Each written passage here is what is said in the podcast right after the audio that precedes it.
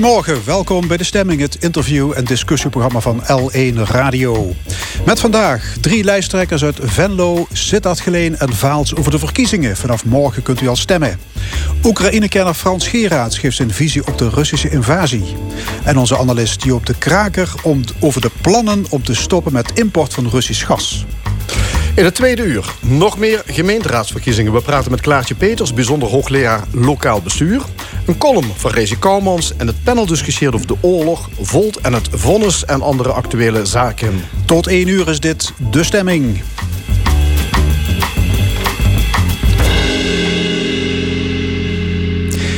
Morgen en ook dinsdag kunt u al gaan stemmen voor de gemeenteraad. Sommige stembureaus gaan dan al open, maar woensdag gaan ze natuurlijk allemaal open. Bij ons drie lijsttrekkers. Ik stel ze nu voor. Nancy Kaufman van de Stadspartij Sittard Geleen. Remy Maassen van D66 in Venlo. En Samir El Baramawi van Jong in Vaals. Goedemorgen, alle drie. Goedemorgen. Ja. Uh, is het nog een uh, laatste dag waar nog uh, flink geflyerd gaat worden? Jazeker, ja? we gaan nog even flyeren voordat de stembureaus open gaan. En dat is dan heel tactisch nog bepaalde buurten eruit kiezen? Ja, ja we gaan eigenlijk. we proberen eigenlijk de hele gemeente zoveel mogelijk te flyeren. Maar en vandaag nog even langs de deuren gaan. Dus echt volle bak nog campagne voor zolang als het kan. Ja. ja. Remy Maas, u bent de lijsttrekker van D66 in Venlo. Yes. 33 jaar. 34 inmiddels. 34 ja. inmiddels. Oh kijk, zo snel gaat dat. Hè?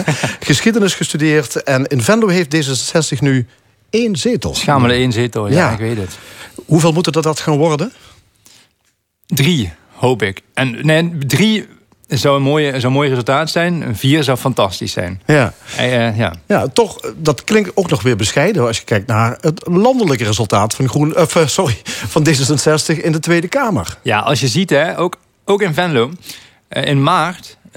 als je de, dan moet je eigenlijk niet zo zeggen, maar als je de, als je de, de Tweede Kamerverkiezingen in Venlo, zeg maar, wat, wat daar is, op D66 is gaan stemmen, als je dat legt op de gemeenteraad, dan zouden wij zes zetels hebben. Dus we hebben wat te doen. Om maar waarom gaat u niet voor zes dan? Ja, dat zou. Dat, het, het mag hoor, er mogen er ook ja. zeven zijn. Nee, maar hoe kan dat? Hoe, waarom uh, besluiten kiezers bij de gemeenteraadsverkiezingen niet op D66 te stemmen terwijl ze dat landelijk wel doen? Ja, ik vind het ook heel. Ik, ik was er vier jaar geleden niet bij. Dus ik kan het heel moeilijk beoordelen. Maar wat ik nu wel weet, is dat we echt een vrij jonge.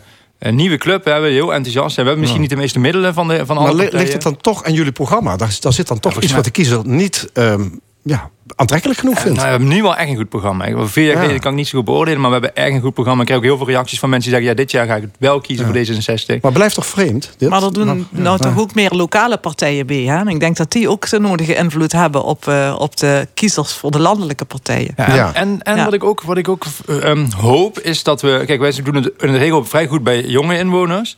Uh, de opkomst onder jonge inwoners is lager. Dus we proberen ook echt dat zij ook naar de stembus gaan. Uh, ja, iedereen moet naar de stembus komen, maar in elk geval... Um, dat zou ook parten kunnen spelen, dat we dit jaar gewoon veel ja. beter gaan doen. De gemeenteraadsverkiezingen die raken nogal wat ondergesneeuwd... door de oorlog in Oekraïne mm. op dit moment natuurlijk. Um, hebben jullie daar uh, ook mee te maken, hè, als je aan het uh, campagne voeren bent... Zijn er mensen die jullie daarop aanspreken... die misschien zelfs hun stem dan van laten afhangen?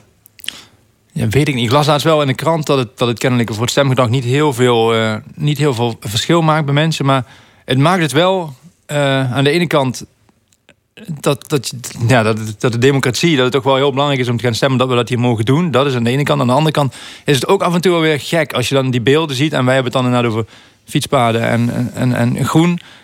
Uh, maakt het ook wel weer heel relatief of zo. Dat maakt het ook een beetje ongemakkelijk. Ja, persoonlijk heb ik het daar ook wel moeilijk mee. Ik heb ja. laatst op mijn Facebook ook geschreven van ja, moet je moet je nu wel campagne voeren? Is dat, is dat passend? Weet je ja. wel, als je ziet wat daar voor vreselijks aan de hand is dan voelt het eigenlijk in je hart uh, ja, niet heel goed om, uh, om jezelf zo te gaan lopen ja, promoten en zo. En aan de andere kant is het wat jij zegt. Uh, we, we, leven gelukkig in Nederland in een democratie. Dus mensen kunnen en mogen hier kiezen. En ja, dat is nog eens extra um, um, belangrijk nu. Ja, ja, ja.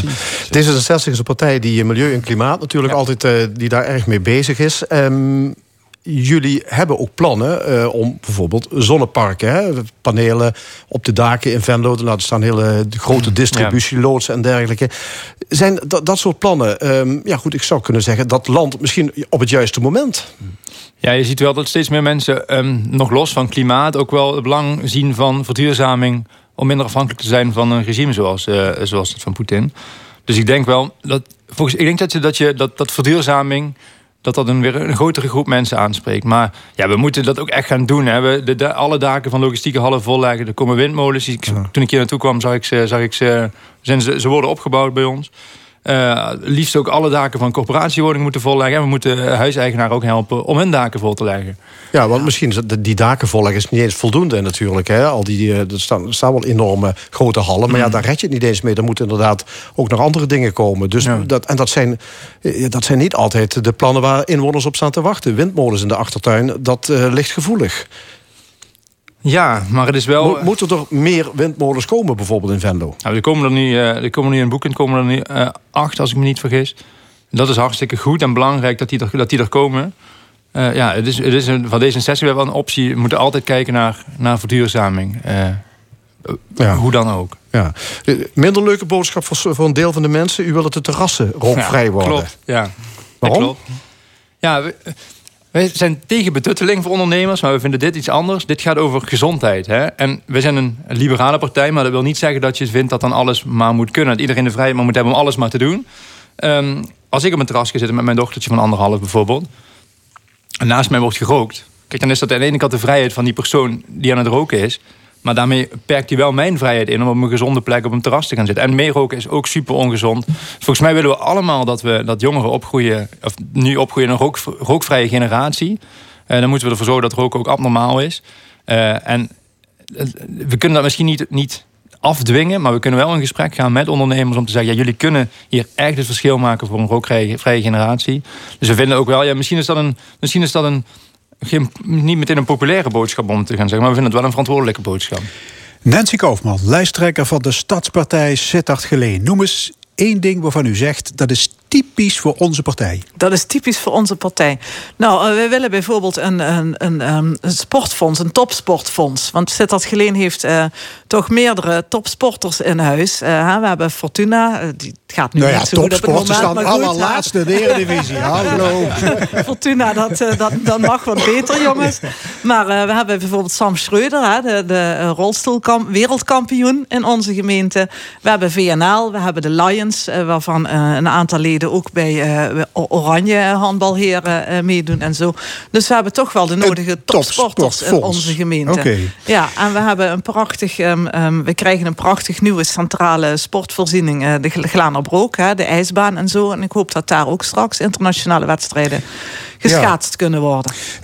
ja, voor de kiezer is het lastig om al die lokale lijsten uit elkaar te houden, hè? Ja. Wie kent nou het verschil tussen de Stadspartij, GOB, SPA, Lokaal, Sittard Geleen, Born, Pit, Lijst Blanco? Ja, ik hoop dat de mensen in Sittard Geleen dat verschil wel kennen, want anders eh, krijgen we een probleem. Ja. ja denkt u dat dat zo is?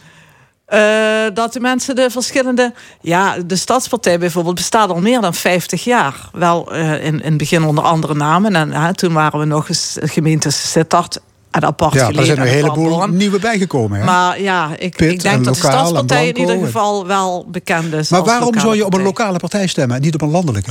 Nou, de lokale partijen zijn toch iets minder gebonden aan de Haagse regels, denk ik. En um, ja, wij, wij, staan echt midden in de gemeente. Hè. Wij gaan echt voor de gemeentelijke dingen. En um, wij hebben geen last van, van uh, Den Haag en, en van de visie van de landelijke partij. Maar ja, D66? Ja, vanochtend werd nog gebeld, hè, dus Sigrid Kaag, die zei dan wat ik hier moest gaan zeggen. Nee, natuurlijk, nee, wij, hebben, nee, wij mogen echt... Uh, wij zijn ook lokaal. Wij, zijn, wij wonen ook gewoon allemaal in Venlo en in Blering en in Oud-Blering en zo. Dus ik, ik vind dat altijd het verschil altijd zo vreemd dat dat wordt gemaakt. We zijn allemaal lokale partijen. Het enige voordeel, het enige voordeel nog, vind ik, van een landelijke partij... is dat wij bijvoorbeeld thema's wonen... wat wij super belangrijk vinden in Venlo... Kijk, dan kan ik gewoon een Kamerlid even bellen. En dan vraag ik van, hé, hey, uh, hoe zit dit? Kunnen wij gebruik maken van die regelingen?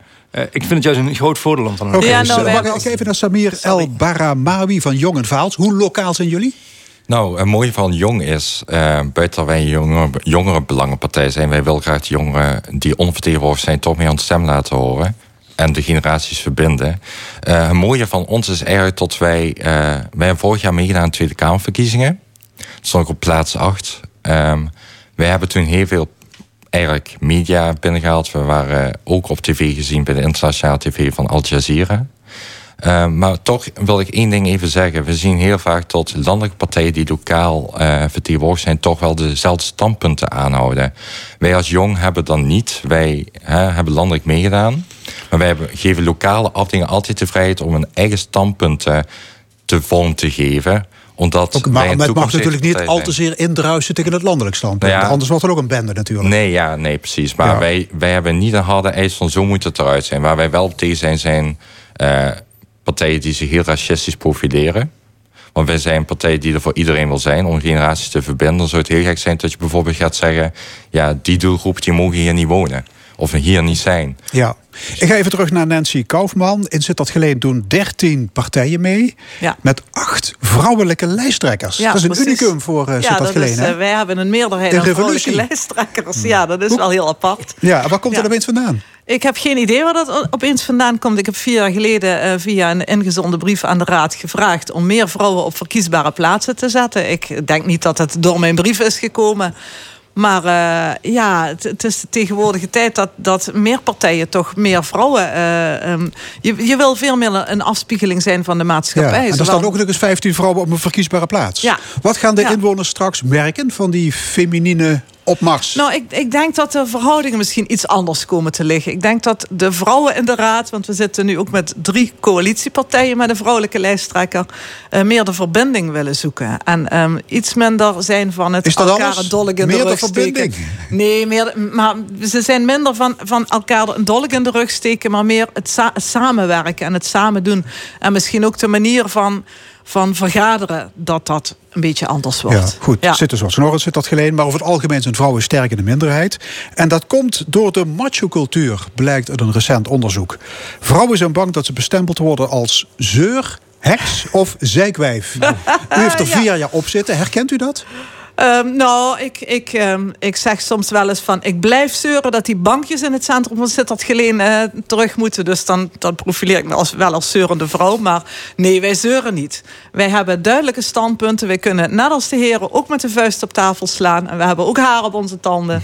Dus uh, nee, ja. wij zijn niet te zeurders. Dus u roept op om maandag, dinsdag, woensdag op een vrouw te stemmen? Ja, op een vrouw. Maar van mij mag het best gemeleerd hoor. Ik zou ook niet alleen maar met vrouwen in de raad willen zitten. Ik vind we moeten een afspiegeling zijn van de maatschappij. Allochtonen, Zeker, maar er is een inhaalslag te maken. Heren, ja. uh, steunen jullie dit, dit appel? Absoluut. Ik vind het af en toe echt een beetje gênant dat wij, eh, als wij met alle lijsttrekkers bij elkaar zitten in Venlo, dan is het bijna een soort van SGP-partij bijeenkomst. Alleen, bijna alleen maar mannen. Ja, ja dat vind ik echt... Uh, ja, bal. Wat zeg je? Wat zegt hij? Hengstebal wordt het al. Ja, ja ik, vind het, eh, ik, vind het echt, echt niet goed. En ik, eh, ik heb ook de belofte gedaan aan, eh, aan, dat, we, dat wij er in elk geval voor gaan zorgen... dat we over vier jaar nog veel meer vrouwelijke kandidaten beschikbaar hebben. Ja, dat, hebben. dat probleem hebben wij in Veld eigenlijk ook wel. We zien vooral uh, dat er twee vrouwelijke raadsleden in de raad zitten. we hebben nog niet eens een vrouwelijke wethouder. Uh, de gemiddelde wethouder, die leeftijd ligt toch op ongeveer uh, gemiddeld geschat ongeveer uh, rond de 55. Gok ik zo in. we hebben iets jongere wethouder, die, ik zat hem eind de 30, begin de 40. En we hebben een wethouder die ik eind de 50 zat en één wethouder in de, ja, 60, kortom, volgens u allemaal te oud, hè? Volgens Jong Vaals. En ook in Vaals ja. hebben we natuurlijk ook weinig jongeren. Twee ja. jongeren onder de 30. Ja. Het mag wel een betere afspiegeling Ja, beter afspiegeling. Samir El Baramawi, uh, u bent lijsttrekker van Jong Vaals, 20 jaar. Klopt. Dat klopt wel nog, ja. Uh, dat is eigenlijk jong voor een politicus. En waarom wil u in de gemeenteraad? Nou ja, jong voor een politicus. Ja, dat is jong 20 jaar? Ja, dat is jong voor een politicus. Maar wat ik niet wil vergeten is ook de ervaring... wat een jonge politicus heeft opgedaan. Maar waarom wil u in de gemeenteraad? Waarom ik in de gemeenteraad wil, uh, onder andere juist voor die afspiegeling van de maatschappij. Hè, even, dat mag wel gezegd worden. Want ik ben de eerste lijsttrekker met een niet-westerse achternaam. Uh, in Vaalt. En we leven in 2022. Dus mij lijkt dat best wel een tijd voor tot zo iemand ook in de raad komt. Want wij in Vaalt hebben ook wel uh, inwoners die van Turkse of uh, in ieder geval niet-westerse komaf zijn. waarom ik in de gemeenteraad wil, is ook deels een stukje verduurzaming, maar ook de huisvesting. Dat is in Vaals een heel groot probleem. En dan huisvesting speciaal voor jongeren? Nou, niet alleen voor jongeren. Van jong Vaals. Wij zien uh, voornamelijk dat uh, we hebben twee kanten in Vaals. De ouderen en de jongeren. bij de ouderen zien we vooral tot als iemand weet of weduwnaar wordt, tot die opgesteld wordt van hele hoge schulden vanuit de WOZ. Dat wil ik voorkomen. En daarbij zien we natuurlijk met studentenopvang. Laat me vooropstellen, ik ben voor studentencomplexen, maar uh, ik denk dat de raad wel eens goed moet na gaan denken waar ze die wilden neerzetten. Want in Vaalt hadden we plan om ze op een Stelse Beeklaan te zetten. Voor de duidelijkheid, daar wonen mensen die al jaren daar wonen. Die kijken dan uit op een heuvel en er zou een studentencomplex moeten komen. Uh, nou ja, goed, daar is de staak het stemmen uitgekomen laatst. Wat ik mooi vind om te zien is tot de, de bevolking blijkbaar toch een bepaalde indruk heeft uitgelaten, want hij komt niet op die plek. Ja, u bent eigenlijk pas redelijk recent in Vaals gaan wonen. Dat klopt. Waarom heeft u zich niet aangesloten bij een van de bestaande partijen in die gemeenteraad om te kijken of u, daar, eh, of u daarin iets kan betekenen? Want u bent eh, ja, voor Jong Vaals, een nieuwe partij, een lokale partij daar, dat is een lokale afdeling opgericht. En u gaat daar helemaal zelf beginnen, terwijl u pas in Vaals woont. Is dat een voor de hand liggende stap? Ja, dat hoeft je, daar hoeft de kiezer geen bezwaar voor te hebben. Uh, nogmaals, ik heb ook mijn cv op, op de Facebookpagina van Jong Vaaltje gezet. Misschien interessant tot, uh, tot ze dat ook eens een keer bekijken. Uh, daarbij noemde in Limburg mij laatst een artikel kansloos jong. nou, daar heb ik ook bezwaar tegen, want als ik kijk tot als we bijvoorbeeld al partijen kansloos gaan noemen dan hoeven we ook geen verkiezing meer te houden. En dan tasten we de waarde van democratie aan. Ja. Maar om kort te zeggen... Maar wij Jong, partij... Jong deed ook mee aan de Tweede Kamerverkiezingen. Hoeveel stemmen had u in Vaals? Uh, nou ja, in Vaals hebben we natuurlijk geen campagne gevoerd. Dus dat is ook niet zo interessant voor statistieken. Nee, maar het waren tien stemmen. Ja, dat, dat klopt. Maar dat is niet interessant voor de komende verkiezingen. maar ik zit toch te denken, u, u woont zelf pas een jaar in Vaals... richt een nieuwe partij op. Uh, heb je dan een achterban? Je hebt nou toch wel een achterban ik, nodig? Ik, ik, zal zeggen dat ik wel een achterban heb. Ja. Ook van de veldsenaren. Dus die achterban is er zeker. En het voordeel is, juist doordat we een Tweede Kamerverkiezing hebben meegedaan... Uh, is mij nou niet volledig onbekend. Daarbij had ik meer stemmen gehad dan zoon van oud-president Joop den Uyl... met de Tweede Kamerverkiezingen. Oké, ik weet niet precies hoeveel hij in uh, Vaals heeft gehaald in die tijd. Maar uh, u, u, heeft, u staat met twee mensen op de lijst. Dus een erg korte lijst. Dat klopt. En u nummer twee, dat, is wel opmerkelijk. Ja. Die is naar Friesland verhuisd. Die woont in Friesland. Die dus woont in Friesland, maar die is de enige... in Limburg. Ja, ja. Dat is een echte gier. Ja, oké, maar die woont in Friesland. Is dat, is dat niet een beetje een treurige lijst? Twee mensen waarvan de één in Friesland wonen. Nou ja, treurige lijst. Uh, je kunt het ook zo stellen. Iemand die jurist is, die heeft heel veel juridische kennis. En dat is alleen maar, maar komt, komt diegene in een Vaals wonen als hij in de gemeenteraad wordt gekozen? Dan moeten, we, dan moeten ze voor tekenen. Er zijn, uh, er zijn ook statuten, er zijn uh, protocollen vanuit de kandidaatstelling. Daar heeft hij ook voor getekend. Ja, oké. Ja, ik, ik weet, tafel, hoe, hoe denken jullie erover, uh, eigenlijk over de, de opkomst van, van steeds meer partijen, kleinere partijen, die door toch uh, die, die gemeenteraden, um, ja, die je ook ziet, hè, dat er veel gemeenteraden. Ja, ik vind dat zelf wel lastig. Want ik, we hadden laatst een debat um, in een theater. En dan hoor je die nieuwe partijen van alles roepen. Hè, wij willen de muziekschool terug in Geleen.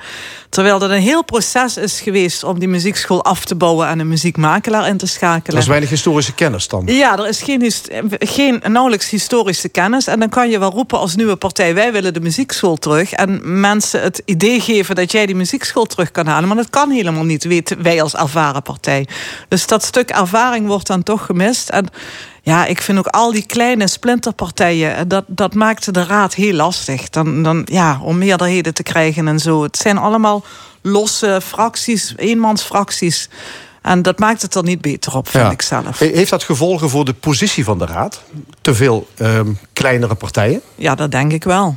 Dat denk ik wel. Dat, dat, ja, je, sta, je staat minder sterk. Iedere partij heeft weer zijn eigen standpunt. En om dan tot een gezamenlijk iets te komen, maakt het toch lastiger. Ja, wat, ik, wat ik vooral niet hoop, is dat we straks, uh, we straks uh, in een vergadering... en dan gaat iedereen moet dan toch weer eventjes een, uh, zijn bijdrage en toch weer eventjes... En dan, ja, ja dan, dat, dan worden het wel, als iedereen allemaal verplichte nummertjes en gaat dan... Dat, dat hoop ik niet. Ik hoop wel, als we dan toch die versplintering krijgen... dat je dan ook wel met elkaar gaat samenwerken. Dat je dan, dat je dan meer, misschien nog meer de samenwerking kunt opzetten. Dat is niet van die Poolse landen ja, geworden en de, en de raad van ja. Hoe, hoe, kijkt Jong Waals dan aan? Stel jullie halen een zetel?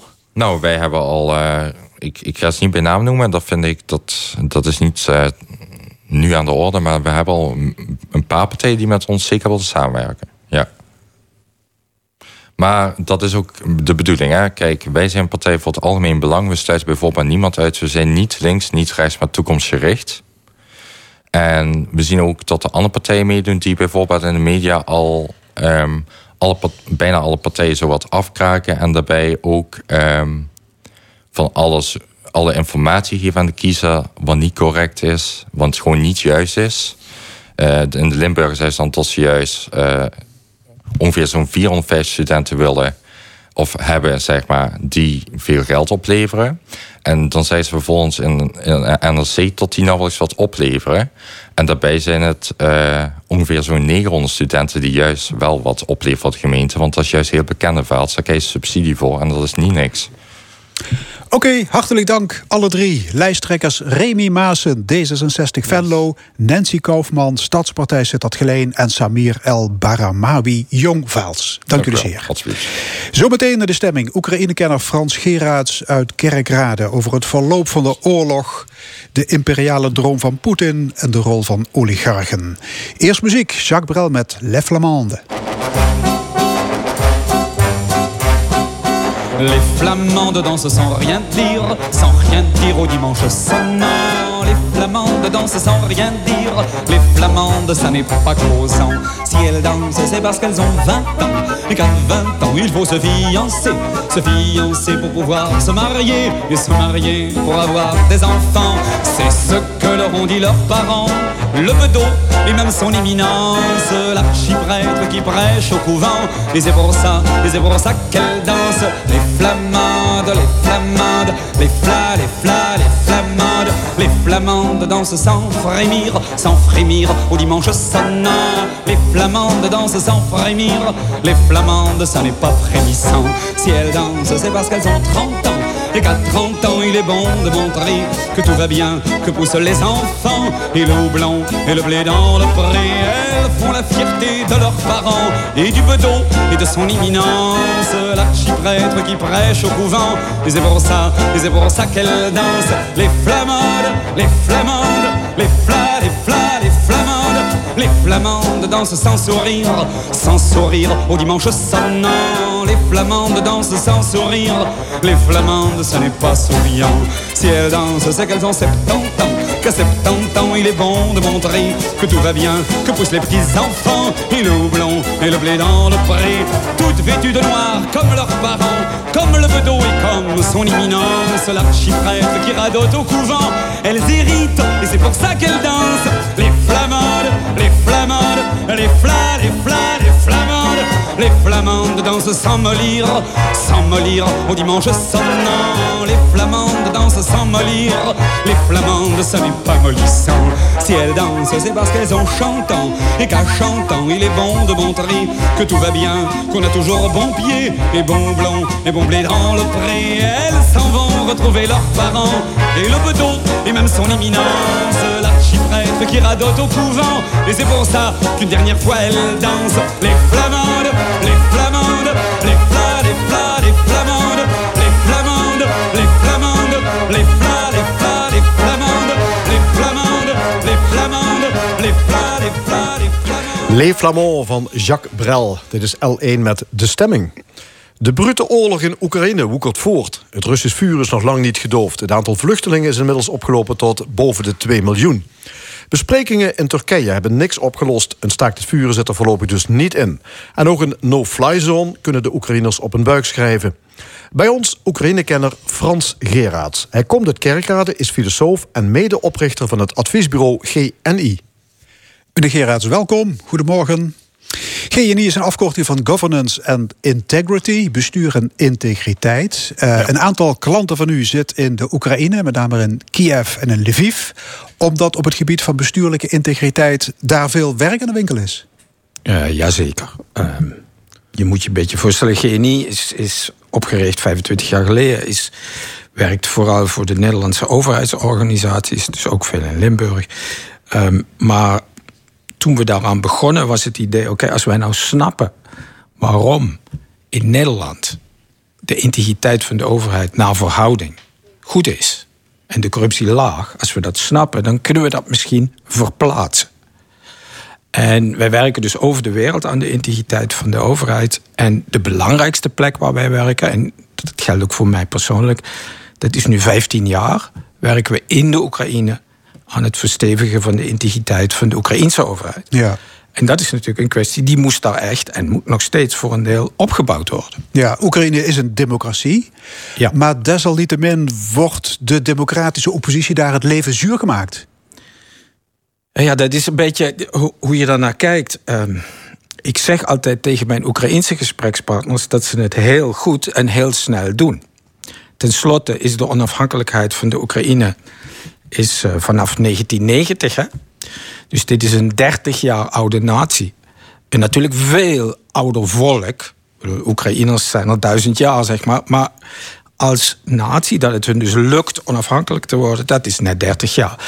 Dus als je ziet dat je uit een totalitair systeem komt en dan een democratie aan het opbouwen bent, dan is het natuurlijk logisch dat dat niet zomaar gaat. Zeker, maar wie of wat is de grote tegenstander? Zijn, zijn dat de oligarchen? Twee. Het zijn er twee. Je hebt de oligarchie en je hebt Poetin. En die zijn, zeg maar, allebei op hun eigen manier tegenstanders van de burgers in de Oekraïne. Die proberen zo'n fatsoenlijke overheid te maken. Nou, de oligarchie, die, daar hebben wij, het Westen, mede, zijn wij mede verantwoordelijk voor. Dat, dat heb je eigenlijk overal gezien. Dat in die transitie, toen het communisme in elkaar viel, hebben wij een, ingezet op een vrij ongereguleerde privatisering. Van die toen echt bankroete communistische economie. En die ongereguleerdheid heeft eigenlijk overal geleid tot enorme concentraties van rijkdom, tot monopolies. Dus de Oekraïne, dat zijn twaalf mannen die bezitten basically de Oekraïnse economie. En voor die mannen is een werkelijke democratie gevaarlijk. Want die kan daar een eind aan maken.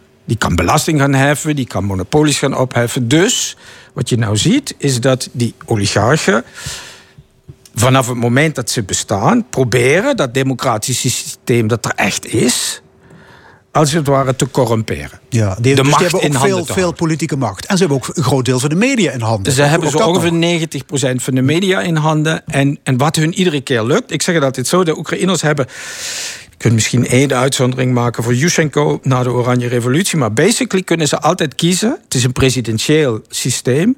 Tussen twee oligarchische kandidaten. Dus dat is leuk dan. Ja. Dus als er verkiezingen zijn, dan staat de oppositie al met 5-0 achter. Uh, ja, ja, dus je moet je voorstellen, de eerste ronde eh, presidentsverkiezingen zijn er zes kandidaten. Tweede ronde altijd twee. Ja. En die twee zijn altijd allebei oligarchische kandidaten. Hoort de huidige president ook bij die club? Ja, de huidige president is heel interessant. Want dat was wel degelijk een oligarchisch kandidaat. Hij was een acteur, hè, dat weten we ondertussen allemaal, die president speelde in een serie. En vervolgens president werd. Gefinancierd door een oligarch. Maar je ziet, en dat is niet helemaal uh, onverwacht. Je ziet dat hij nu emancipeert. En dat kun je letterlijk iedere dag zien gebeuren. Dus dit wordt misschien wel de eerste democratische president van de Oekraïne. En dat heeft ermee te maken met de situatie waarin hij zich bevindt. En de absoluut fantastische rol die hij daarin speelt. maar is dat de grote nachtmerrie voor Poetin? Dat voormalige Sovjet-republieken in het westerse democratische kamp terechtkomen? We zeiden net, ze hebben twee tegenstanders, de burgers. Hè? Je, je moet het eigenlijk heel simpel zien. Wat willen nou de burgers in de Oekraïne? En ik ken er heel veel in die 15 Ja, het zijn er 45 miljoen. Dat, dat kun je in, in een paar woorden samenvatten. Ze willen een samenleving bouwen zoals de Nederlandse of zoals de Poolse. En daar zijn ze heel straightforward in. Dus daar bestaat geen twijfel over dat dat is wat ze willen. En inmiddels hebben ze daar drie keer enorme uh, inspanningen voor geleverd en risico's voor genomen tot de dood aan toe. Dat was in, in zeg maar 1991, toen de vraag was: willen jullie onafhankelijk worden? Er een referendum was. En daar praten we echt over cijfers van 85% van de mensen zegt ja. En vervolgens in 2004, als je je dat nog herinnert, de Oranje Revolutie. Toen was er geknoeid met de verkiezingen voor de president. En toen zijn ze met z'n allen op straat gaan staan en hebben afgedwongen dat dat gecorrigeerd werd. En in 2014 moet je, moet je, het is voor, voor, voor de luisteraars heel belangrijk te snappen. Gaan ze op straat staan met z'n allen, omdat de toenmalige president, een hyper corrupte president overigens, echt een oligarchisch president weer. Die president weigerde het associatieverdrag met de Europese Unie te tekenen. Daarom gingen de Oekraïners op straat staan. En hebben dat een winter lang volgehouden. En, En Poetin wil dus niet dat Oekraïne een, een democratisch welvarend land wordt. Ja. Want dan wordt dat meteen een lichtend voorbeeld voor, Voor Belarus, Rusland. Moldavië, Dat is- Kazachstan en Rusland zelf. Voor Rusland zelf. Dus de grootste bedreiging voor Poetin is een succesvol, democratisch Oekraïne.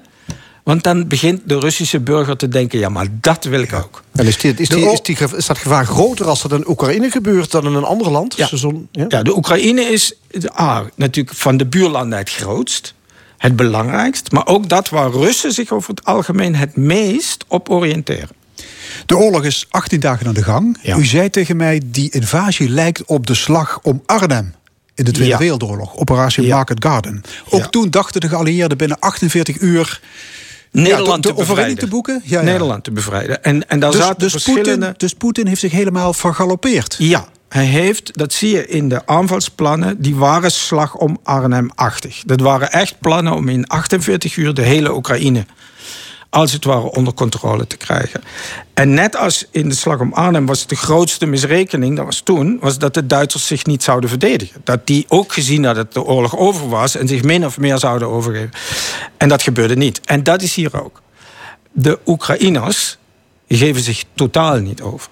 En, en dat, dat is nog het moeilijkste voor ons om te begrijpen. Maar de Oekraïners zullen zich onder geen enkel scenario overgeven. Dus ook als Kiev valt, bijvoorbeeld, betekent dat niks anders dan dat de burgers in Kiev schakelen naar een verzet tegen de bezetting. Nu verdedigen ze zich tegen de aanval. Valt Kiev, schakelen ze naar gewapend en ongewapend verzet Ja. tegen de bezetting. Maar, maar de gewone burgers die nu de wapenen opnemen, Mhm. is dat een factor van betekenis? Je moet je de verdediging van de Oekraïne in drie delen voorstellen. Je hebt het leger. Dat is een ondertussen heel geoefend en gemoderniseerd leger. Je moet niet vergeten dat Poetin in het oosten al acht jaar oorlog tegen ze voert. Dus In de, gek in de genoeg- Donbass. Ja, Ja. gek genoeg heeft hij zelf het leger opgeleid. Want dit zijn allemaal recruten die dus echt in de oorlog geweest zijn, acht jaar lang. Ja. Dus dat is één, je hebt het leger. Dan heb je twee, wat heet de territorial defense. Dat is een lokale verdediging. Dus dat heb je in ieder dorp, in iedere stad. Dat heb je in Kiev ook. Dat zijn mensen met veel minder bewapening. Dat moet je je echt voorstellen. Kogelvrije vest als ze dat hebben. En een, een geweer en een machinegeweer. Een soort gaat. burgermilitie. Een burgermilitie. Die verdedigt straat voor straat. En de derde linie zijn de burgers zelf. Dus als je naar Kherson kijkt, bijvoorbeeld de enige grote stad die gevallen is tot nu toe in de campagne, waar dus de eh, Russen bezetten nu, dan zag je de dag nadat Kherson viel, stonden de burgers ongewapend op straat met Oekraïense vlaggen te demonstreren en te roepen tegen Russische soldaten en tanks: ga naar huis. En dat zul je overal zien. De NAVO is niet van plan om Oekraïne militair Mhm. te helpen. Vindt u dat verstandig? Nou, dat is een onjuiste formulering. De NATO eh, helpt de Oekraïne enorm. Er zijn heel Ja, met- met veel wapens wapens, en zo, geleverd. er wordt- En dat is ook essentieel. Maar u begrijpt wat ik bedoel. Ja, maar het is heel belangrijk om dat niet verkeerd te zeggen. De NATO helpt de Oekraïne enorm. Dus er zijn bij telling gisteren 18.000 antitankwapens geleverd. Dat is anderhalf keer de totale hoeveelheid tanks die Rusland bezit. Dus niet aan het front die Rusland überhaupt bezit. Dus dat is ook essentieel. De NATO moet wapens leveren. De, de, wat de NATO weigert, is iets heel anders. Dat is zelf rechtstreeks in te grijpen met NATO-personeel. Dus dat de NATO-troepen in gevecht begrijp- gaan. dat is heel erg goed. Dat vinden de Oekraïners ook. En de reden waarom dat heel erg goed is, is dan dreigt een nucleaire escalatie. Poetin heeft geen andere troepen meer dan die al in de Oekraïne zijn. Dus hij kan niks conventioneels doen tegen NATO-troepen. Hij heeft gewoon geen troepen over. Dus dat betekent dat hij alleen een nucleaire optie heeft. om zich te weer te stellen als NATO werkelijk oorlog met hem zou gaan voeren. Dus dat mogen we niet doen. Anders praten we echt over scenario's waarin er een atoombom op Amsterdam valt. Ja. ja, hoe zal deze oorlog aflopen? Dus koff, koffiedik kijken natuurlijk, maar heeft u enig idee? Vreselijk moeilijk te zeggen, maar wat... Nou, je moet eigenlijk beginnen met de Oekraïne. Gaat, de Oekraïners gaan zich niet overgeven. Dus die 30 jaar strijd voor een fatsoenlijk land, die gaan ze niet opgeven. Die vechten door totdat het land bevrijd is. Letterlijk een, tot het, nee, die vechten door tot het land bevrijd is. En als dat tien jaar gaat duren, gaat het tien jaar duren. Dus dat moet iedereen, ook hier in het Westen, die scenario's bedenkt, zich realiseren. Dit stopt niet aan de Oekraïnse kant. Dus hoe gaat dat aflopen? Ja, uiteindelijk hangt dat af van. Er zijn eigenlijk drie fronten, zeg maar, waar de Oekraïners vechten. Dat is in het Westen. Krijgen ze van ons steun en blijven we dat steunen? Dat is financiële steun in termen van wapens, maar ook heel belangrijk, morele steun. Tweede is in het land zelf, houden ze dit vol? want je moet het, het is simpel. Het zijn uh, soldaten met een bazooka tegen tanks hè? Dus, uh, en vliegtuigen. En dus het is echt een beetje Finland-Rusland, als mensen dat wat zeggen. Dus houden ze dit vol, is het tweede. En het derde is in Rusland. Dus als Poetin, erin slaagt, als er niet in slaagt, ook in deze tweede fase van de oorlog, na de slag om Arnhem-fase, die in 48 uur verloren was, nu zit hij in een veel conventionelere oorlog. Met veel troepen op één plek. Hij probeert Kharkiv, Odessa en Kiev te veroveren. Als dat niet lukt, dan wordt het heel erg gevaarlijk. Want dan kan het zijn dat hij kiest voor carpetbombing dus het echt vernietigen van de steden met bommenwerpers, waar de Oekraïners geen verweer tegen hebben. Meneer Gerrits, over Poetin gesproken. In de media lees je verhalen over zijn aftakeling, over zijn mentale instabiliteit. Hij zou de weg kwijt zijn. Ja, u bent zijn lijfarts natuurlijk ook niet, maar hoe, hoe denkt u daarover? Nou, ik kan je dat zo uitleggen hoe de Oekraïners daarover denken. Die, die zullen je zeggen dat daar helemaal geen sprake van is, want dat hij namelijk precies doet wat hij al die tijd al doet. Dus Poetin is serieus in het herstellen van de voormalige Sovjet-Unie. En dan is Oekraïne absoluut het belangrijkste in dat streven. Als je vraagt waarom doet hij het nu, dan denk ik moet je kijken naar wat er in de buurlanden gebeurde. Dus hij was de controle over de Oekraïne kwijt en het lukte hem niet dat terug te krijgen in de afgelopen jaren. Maar, herinner je, zo'n twee jaar geleden, Belarus, Wit-Rusland raakt hij de controle over kwijt. De dictator daar heeft geen enkele steun meer over de bevolking. En een paar maanden geleden Kazachstan. Het zijn de drie grote landen die in zijn ogen behoren tot Rusland. Ja. En hij verliest in alle drie de controle. Ik denk dat dat een grote rol is. Ja, het is niet alleen te doen om het herstel van de Sovjet-Unie... Mhm. maar hij droomt van groot een groot Slavisch Rijk. Hè. Dat, dat is zijn heilige missie, Groot-Rusland. dat betekent dat een compromis ook ondenkbaar is. Eh, stel het loopt op, de, op het slagveld uh, en valt het tegen voor Poetin. Nou kijk, je moet hopen dat hij... Er is, er is, ik zie maar één weg hieruit voor hem. In wat hij tot nu toe gedaan heeft. En dat is ook wel voor de luisteraars technisch, maar hij heeft dus een stuk van de Oekraïne in het oosten en hij heeft de Krim geannexeerd. En tussen dat stuk in het oosten en de Krim is Oekraïns gebied. Nou, wat die, en dat is ook het meest succesvolle van zijn campagne. Hij heeft nu die landbrug, zo noemen ze dat, tussen de Krim en de Donbass zo ongeveer tot stand gebracht. Daar is nog één over, één stad, dat is stad Mariupol. Dat is de stad met de grootste humanitaire catastrofe, want die is helemaal omsingeld en hij laat de burgers er niet uit. Die hebben nu al vijf dagen geen water, geen elektriciteit meer en worden voortdurend beschoten. Dus dat is een, een, een dramatische situatie. Maar als die Mariupol veroverd heeft, heeft hij die landbrug.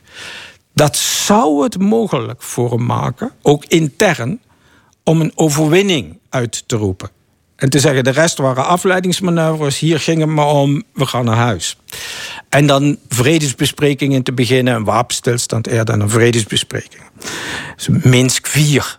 Hè? Want hij is ja al oorlog aan het voeren sinds 14. En we hebben voortdurend van dat soort quasi-vredesbesprekingen. Dus dat zie ik als de enige uitweg die hij nog heeft. Maar hij lijkt die niet te willen. Hij lijkt echt vastbesloten Oekraïne te gaan veroveren. Laatste vraag, wat kunnen wij doen? Dat is een hele belangrijke vraag. Dus het, is natuurlijk te zien hè, dat ehm, Nederlandse burgers enorm de Oekraïne aan het steunen zijn. Uh, als je naar Giro 555 kijkt en wat daar gebeurt. Maar ook als je gewoon kijkt op sociale media. Als je kijkt in de, de traditionele media. Mensen hebben in de gaten dat hier een, een Europese natie. gewoon door zijn buurland overvallen wordt. En die dat met alle geweld wil veroveren. Ik bedoel, we hebben zoiets niet meer meegemaakt sinds de Tweede Wereldoorlog. Hè? Dus mensen snappen dat. Dus dat is ook al heel goed. Uh, de morele steun is, is vreselijk belangrijk en ik zal daar zo op terugkomen. Maar wat ik al eerder zei, wij, wij moeten wapens leveren. Eén. Wij moeten voor humanitaire ondersteuning zorgen. Twee. We moeten daarbinnen heel specifiek, misschien wel het belangrijkste op dit moment, zorgen voor dat de Oekraïne de medische spullen krijgt die ze nodig hebben. Want die zijn natuurlijk op, dat kun je je voorstellen. We praten over duizenden en duizenden gewonden die verzorgd moeten worden. Maar voor ons eigenlijk het aller, aller, allerbelangrijkste. De Oekraïners kunnen dit winnen als wij zorgen dat ze zeg maar hoop blijven houden. Oké. En daarin hebben wij een hele belangrijke rol te spelen. En dat gaat om dat lidmaatschap van de Europese Unie. Waar zij om vragen. Dat kandidaatlidmaatschap. Het is schandelijk dat wij als Nederland weer een keer degene zijn die dit vertragen. Ik bedoel, wat moet je doen, hè? Dus in 2014 staan er letterlijk een miljoen mensen in Kiev op het plein met de vlaggen van de Europese Unie te zwaaien. En nu is een heel volk zich aan het doodvechten omdat ze de democratie willen zich als Europees beschouwen en tot de Unie willen toetreden. En wij kruidenieren. Frans Geraerts, hartelijk dank voor dit gesprek.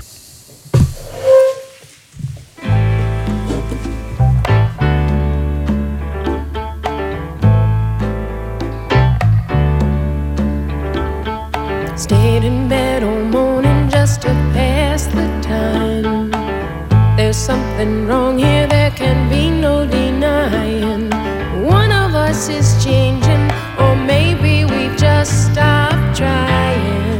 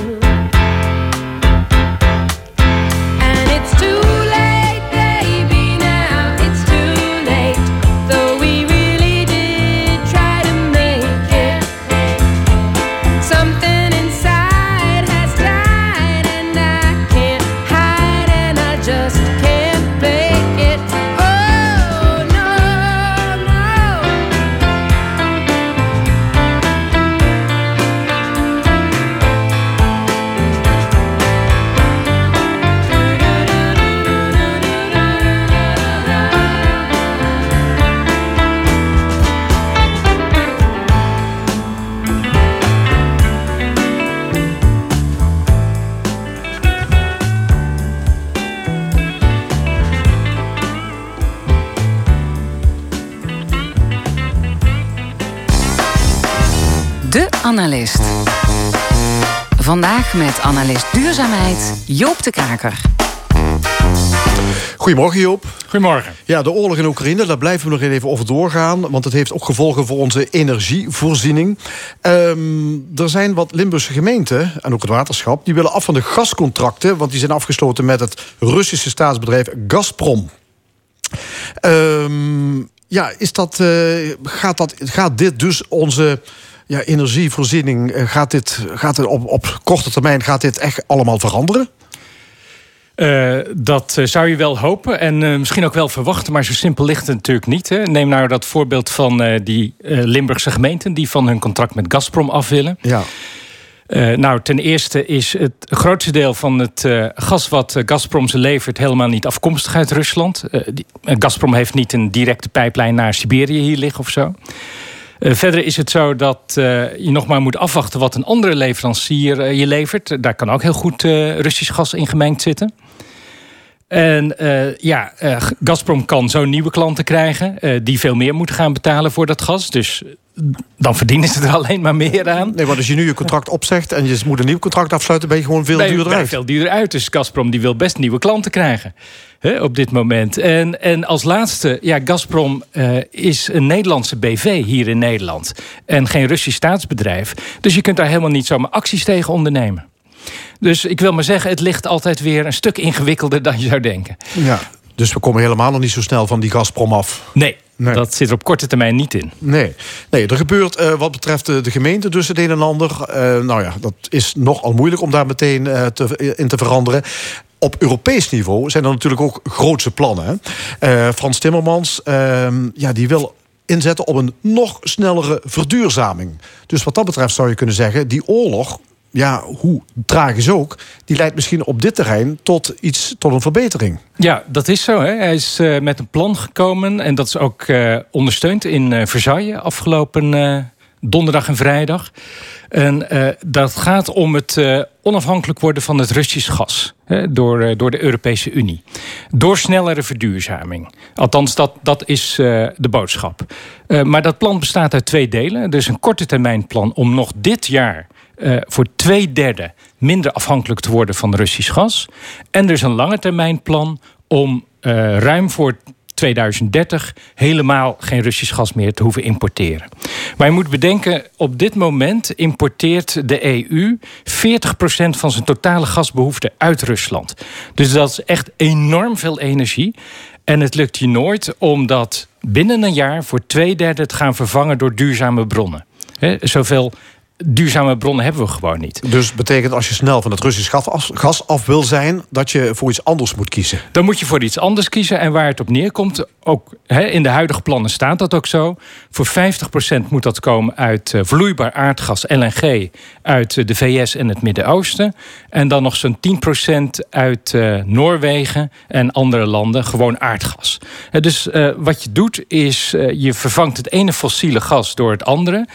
En ja, voor de verduurzaming schiet dat natuurlijk niet op. Integendeel, dat, uh, dat LNG, dat vloeibaar aardgas... heeft nog een veel hogere CO2-uitstoot dan gewoon aardgas. Dus in feite zijn we dan nog slechter af. Ja, maar toch een derde, geloof ik, hè, van het Russische gas... dat wil Timmermans binnen een jaar wel vervangen door duurzame alternatieven. Ja, dat is inderdaad het plan. Uh, zo staat het op papier.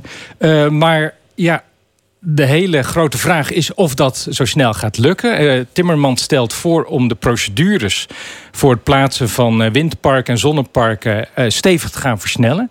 Nou, dat pleidooi wordt al jaren gehouden om dat sneller te doen. Maar wat we in de praktijk zien, is dat die procedures alleen maar langer duren. Omdat de maatschappelijke weerstand steeds verder is toegenomen.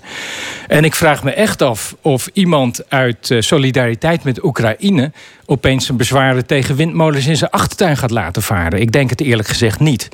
Dus het zal erop neerkomen dat op korte termijn het niet makkelijk zal zijn om duurzame vervanging te vinden voor dat Russisch gas. Uh, dus dat we gas met gas gaan vervangen.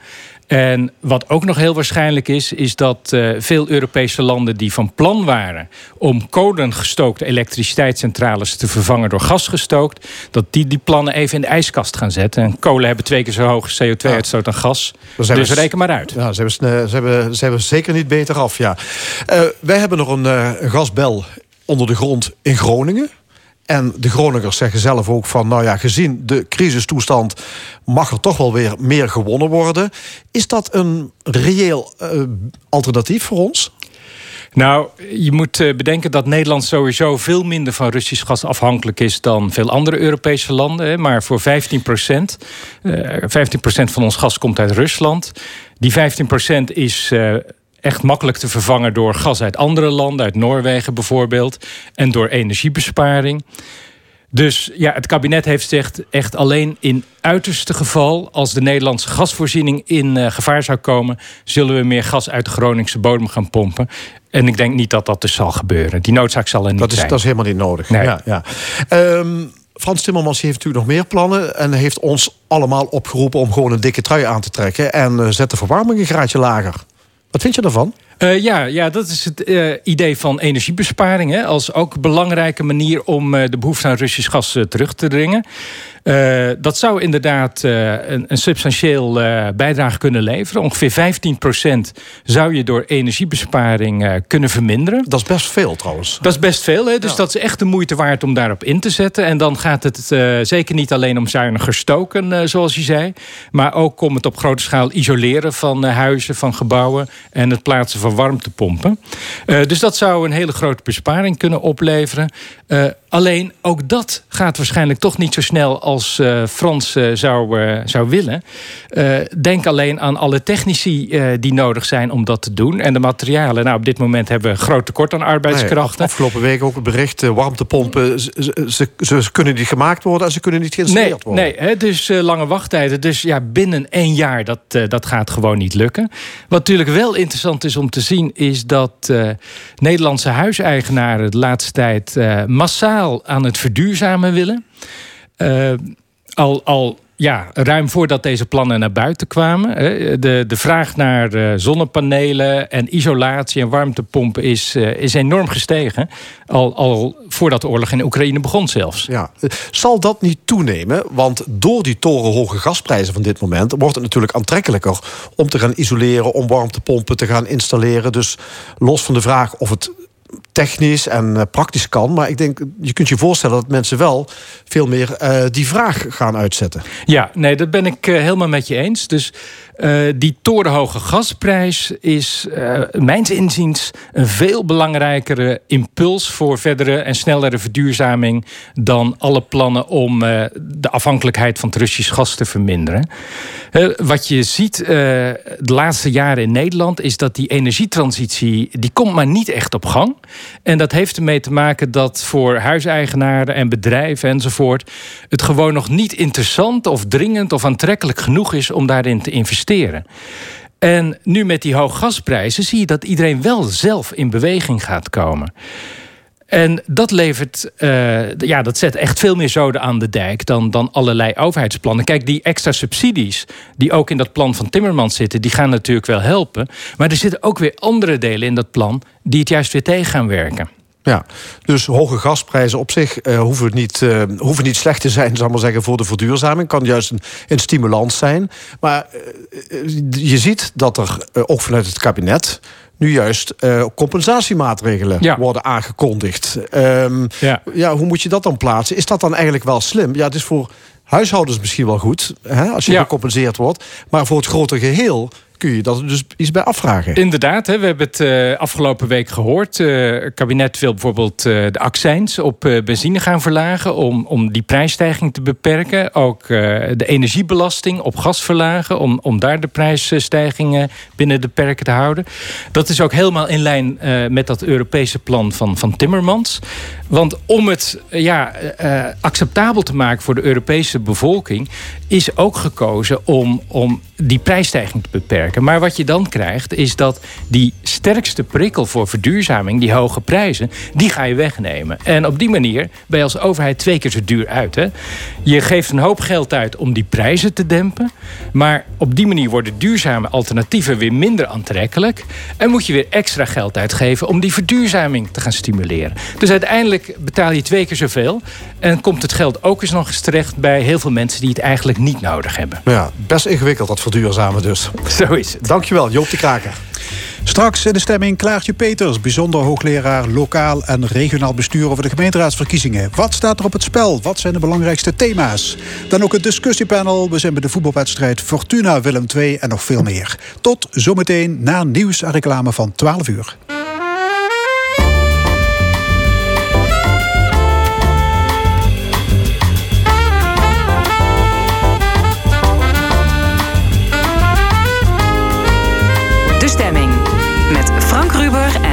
Geraerts. Opnieuw welkom bij De Stemming, het interview- en discussieprogramma over politiek, cultuur en samenleving. Wat allemaal in dit tweede en laatste uur. Straks discussieert het panel met Cor Bosman, Loek Hustings en Joost Reinaerts over de oorlog in Oekraïne, Gundogan en Volt en andere actuele zaken. De column van Rezi Komans, flitsen van de wedstrijd Fortuna Willem II, maar eerst de gemeenteraadsverkiezingen. Morgen, dinsdag en op woensdag kunt u naar de stembus voor het kiezen van een nieuwe gemeenteraad in uw woonplaats. In de stemming vandaag de laatste aflevering van een serie. In het eerste uur hoorde u drie lijsttrekkers uit Noord, Midden en Zuid-Limburg. En nu is aangeschoven Klaartje Peters.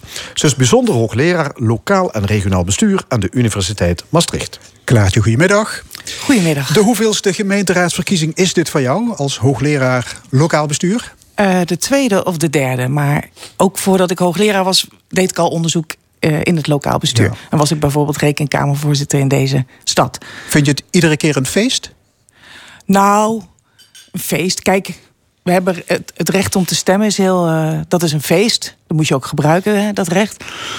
Maar het heeft ook altijd iets voor een onderzoeker en een hoogleraar op dit gebied iets geks dat je dan in een paar weken tijd iedereen er alsmaar over heeft. En dan in de jaren daarna uh, kijken we veel minder Ja, goed met z'n allen wat er gebeurt. En dat is soms wel jammer, want heel veel dingen die we nu eh, constateren, zijn al langer aan de gang. Ja. Maar als je kijkt naar de gebeurtenissen in de Oekraïne, moeten we dan beseffen hoe waardevol en ook hoe kwetsbaar de democratie is?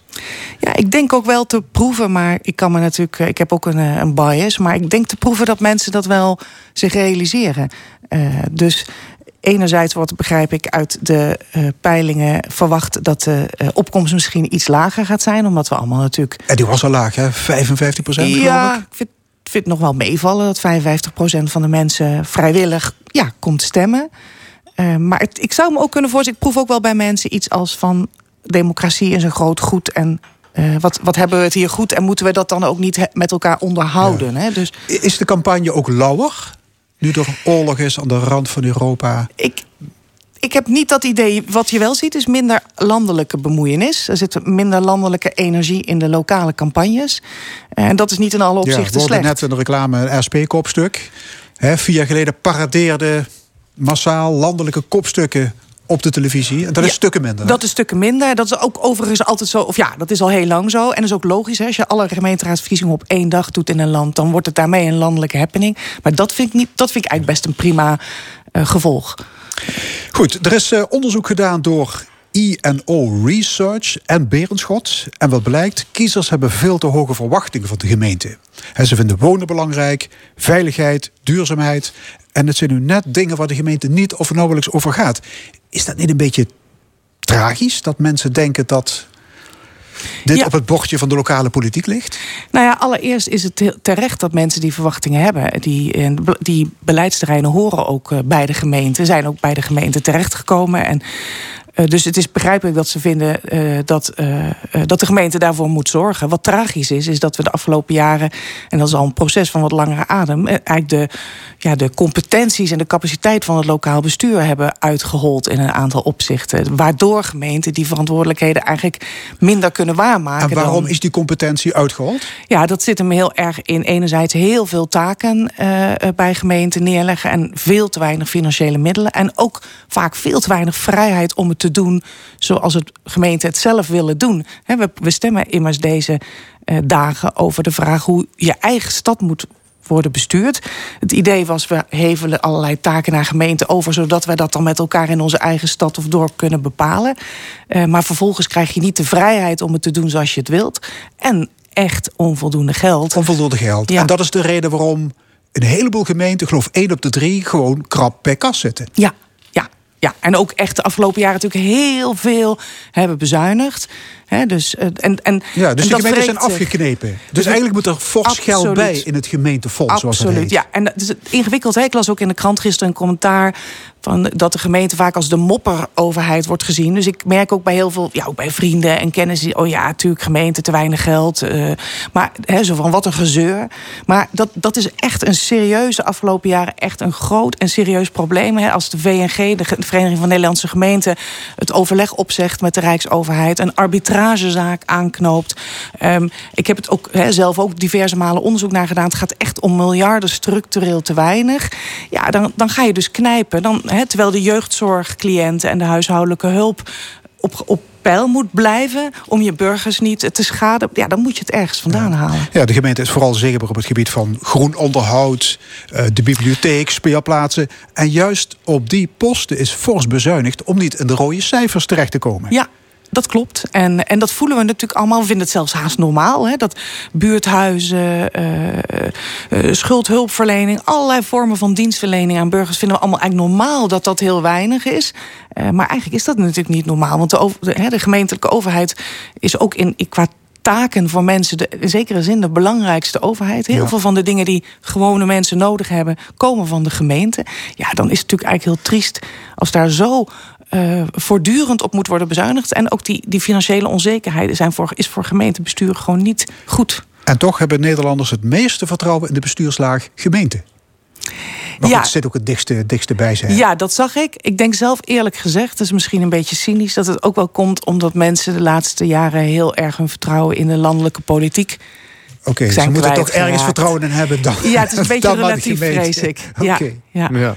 In uh, Limburg hebben we 31 gemeenten heel veel uh, thema's die spelen. Dat zijn overkoepelende thema's, hè, die zie je op veel plekken terug. Uh, maar zijn er ook specifieke thema's in plaatselijke campagnes? Kun je zeggen, van in die gemeente spelen toch hele andere zaken dan in de andere gemeenten? Ja, dat is, echt wel, dat is echt wel zo. Dat vind ik ook wel het mooie van het lokaal bestuur. En dat zie je in deze dagen heel goed. Bijvoorbeeld hier in mijn eigen stad Maastricht. En dan gaat het ook over bijvoorbeeld de, de, de, de druk van de universiteit en de studenten op, op bepaalde wijken en de, de woningnood. Maar ook bijvoorbeeld zag ik over de Engelse taal. Eh, of dat nou een eh, rol mag gaan spelen in de gemeenteraad en in het gemeentebestuur. Daar wordt heel heftig over gediscussieerd in deze stad. En dat begrijp ik ook, want mensen zien, mensen, hè, autochtone Maastrichtenaren, zeg maar even, hebben hun stad zien veranderen.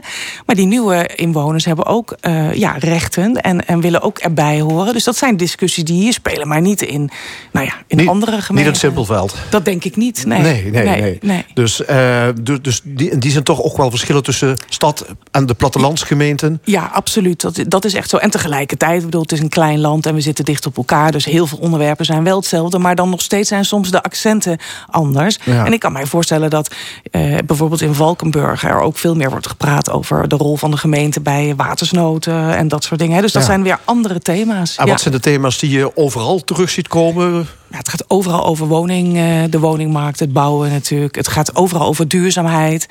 Uh, ik hoorde jullie vorige spreker zeggen uh, dat hij dacht dat de Oekraïne-oorlog niet heel veel gevolgen zou gaan hebben voor de verkiezingen in termen als het gaat om de energie. Ja, ik denk dat het nog wel eens dat dat best wel, uh, wel het geval zou kunnen zijn. We realiseren ons nu ineens natuurlijk in, sinds twee weken hoe ontzettend afhankelijk we zijn van de energievoorziening uit Rusland. En ik zou mij best kunnen voorstellen dat dat op een of andere manier ons aan het denken zet over die vermalendijde windmolens en, en zonneweiden. Dat we toch op een bepaalde manier ook voor onszelf ja, zelfvoorzienend moeten gaan worden. Dus, en daar gaat het ook over in deze uh, verkiezingen. Ja. ja. Landelijke partijen. Um die hebben natuurlijk een, ja, een apparaat achter zich staan. Hè. Daar wordt ook uh, vanuit Den Haag natuurlijk al, heel veel bedacht, al ingevuld. Uh, lokale partijen hebben die, die band niet. Zie je dat lokale partijen ook met originele ideeën komen? Dat, dat je denkt van, ja, daar had nog niemand landelijk over nagedacht... en dat is toch het voordeel van zo'n lokale partij? Nou, het grappige is dat mij eigenlijk opvalt dat we net doen met z'n allen alsof het iets nieuws is, lokale partijen. Maar eigenlijk zijn ze er al heel lang. Zeker in Limburg eigenlijk. Ja, zeker in het zuiden van het land van oudsher. Ja. Uh, in de jaren 70, 80 is, dat, is het tijd minder geweest. Maar ze zijn echt ook weer helemaal terug. Zijn, ja. Maar het is echt een. Het is, het is al lang niet meer een soort romantiek van ergens hier en daar een partijtje of zo. Het is echt he, de, de 30 procent bij de vorige ja, gemeenteraad. De grootste partij eigenlijk, als je ze bij elkaar ja, zou Ja, dus het is echt. En ze zijn er ook in alle soorten en maten. Uh, ik, ik, ken ook allerlei gemeenten waar uh, lokale partijen al vier raadsperioden achtereen de grootste is. En ook meebestuurt. En, maar ik ken ook echt van die actiepartijtjes. En, dus het is, het, het is al lang niet meer een, een bijzonder verschijnsel. Maar het is wel een ander verschijnsel dan een landelijke partij, omdat ze niet die, dat landelijke apparaat achter zich hebben. Maar ook daar is wel verandering eh, gaande. Dus ze zijn zich aan het verenigen. Eh, ze, hebben ook, ze worden ook beter ondersteund door het ministerie. Qua financiering overigens niet. Eh, worden ze echt achtergesteld. Maar er zijn wel op allerlei manieren werken ze ook aan hun eigen training en opleiding. En, Maar, maar voegen ze iets toe, inhoudelijk, eh, kwalitatief? ja, dus in feite, ja, ik zou bijna willen zeggen, zoals elke partij iets toevoegt aan het landschap. Dus ja, het, is, het, het, is een, het zijn natuurlijk per definitie partijen en programma's die zijn gebaseerd op wat eh, eh, in een bepaalde gemeente speelt. Maar goed, zeker als ze dan langer zijn, worden ze ook onderdeel van het establishment. En dan, ja, dan krijg je gewoon een palet. En in de ene gemeente is het palet grotendeels landelijke partijen met één lokale. En in heel veel andere gemeenten, zeker in Limburg en Brabant, zijn het vier, vijf, zes lokale partijen. En misschien een, een, een kruimeltje nog voor, voor, voor twee of drie landelijke partijen. Dus ja, het is, het is overal een palet. En het wordt overal, dat is natuurlijk interessant, door personen ingevuld. Dus je stemt soms op een persoon die lid is van een partij in jouw gemeente... waar je landelijk niet over zou piekeren. Maar dat hoort ook bij lokale politiek. Dat doe ik zelf ook in deze stad. Ik kijk gewoon echt naar die mensen. Ik denk, wat hebben ze gedaan de afgelopen vier jaar... voor zover ik er oog op had. Eh, en daar eh, bepaal ik dan mijn stem mee. En dan kom ik soms bij een partij uit... Oeps, dat, denk dat je zou dan. ik, nou, dat zou ik in Den Haag niet, eh, niet doen. Ja. Klaartje, je hebt eh, laatst gehakt gemaakt van het onderzoeksrapport Engelen bestaan niet over de Limburgse bestuurscultuur. Slecht rapport, geen bewijzen, de boodschapper wordt afgemaakt, onderzoekscommissie onwaardig. Veel reacties gekregen op dat NRC-stuk. Ja, ja, zeker. Ja, maar het grap, ik denk altijd, ik heb eigenlijk alleen maar heel veel instemming eh, gekregen. Maar ik, ik heb ook van heel veel mensen natuurlijk niets gehoord. Dus die, die Ja. melden En de onderzoekers, hebben die zelf nog Ik heb wel contact gehad, ja. Oké. ja, ja. Ehm, gouverneur Roemer die heeft met alle 31 Limburgse burgemeesters gesprekken gevoerd, ook over integriteit. Is dat zinvol?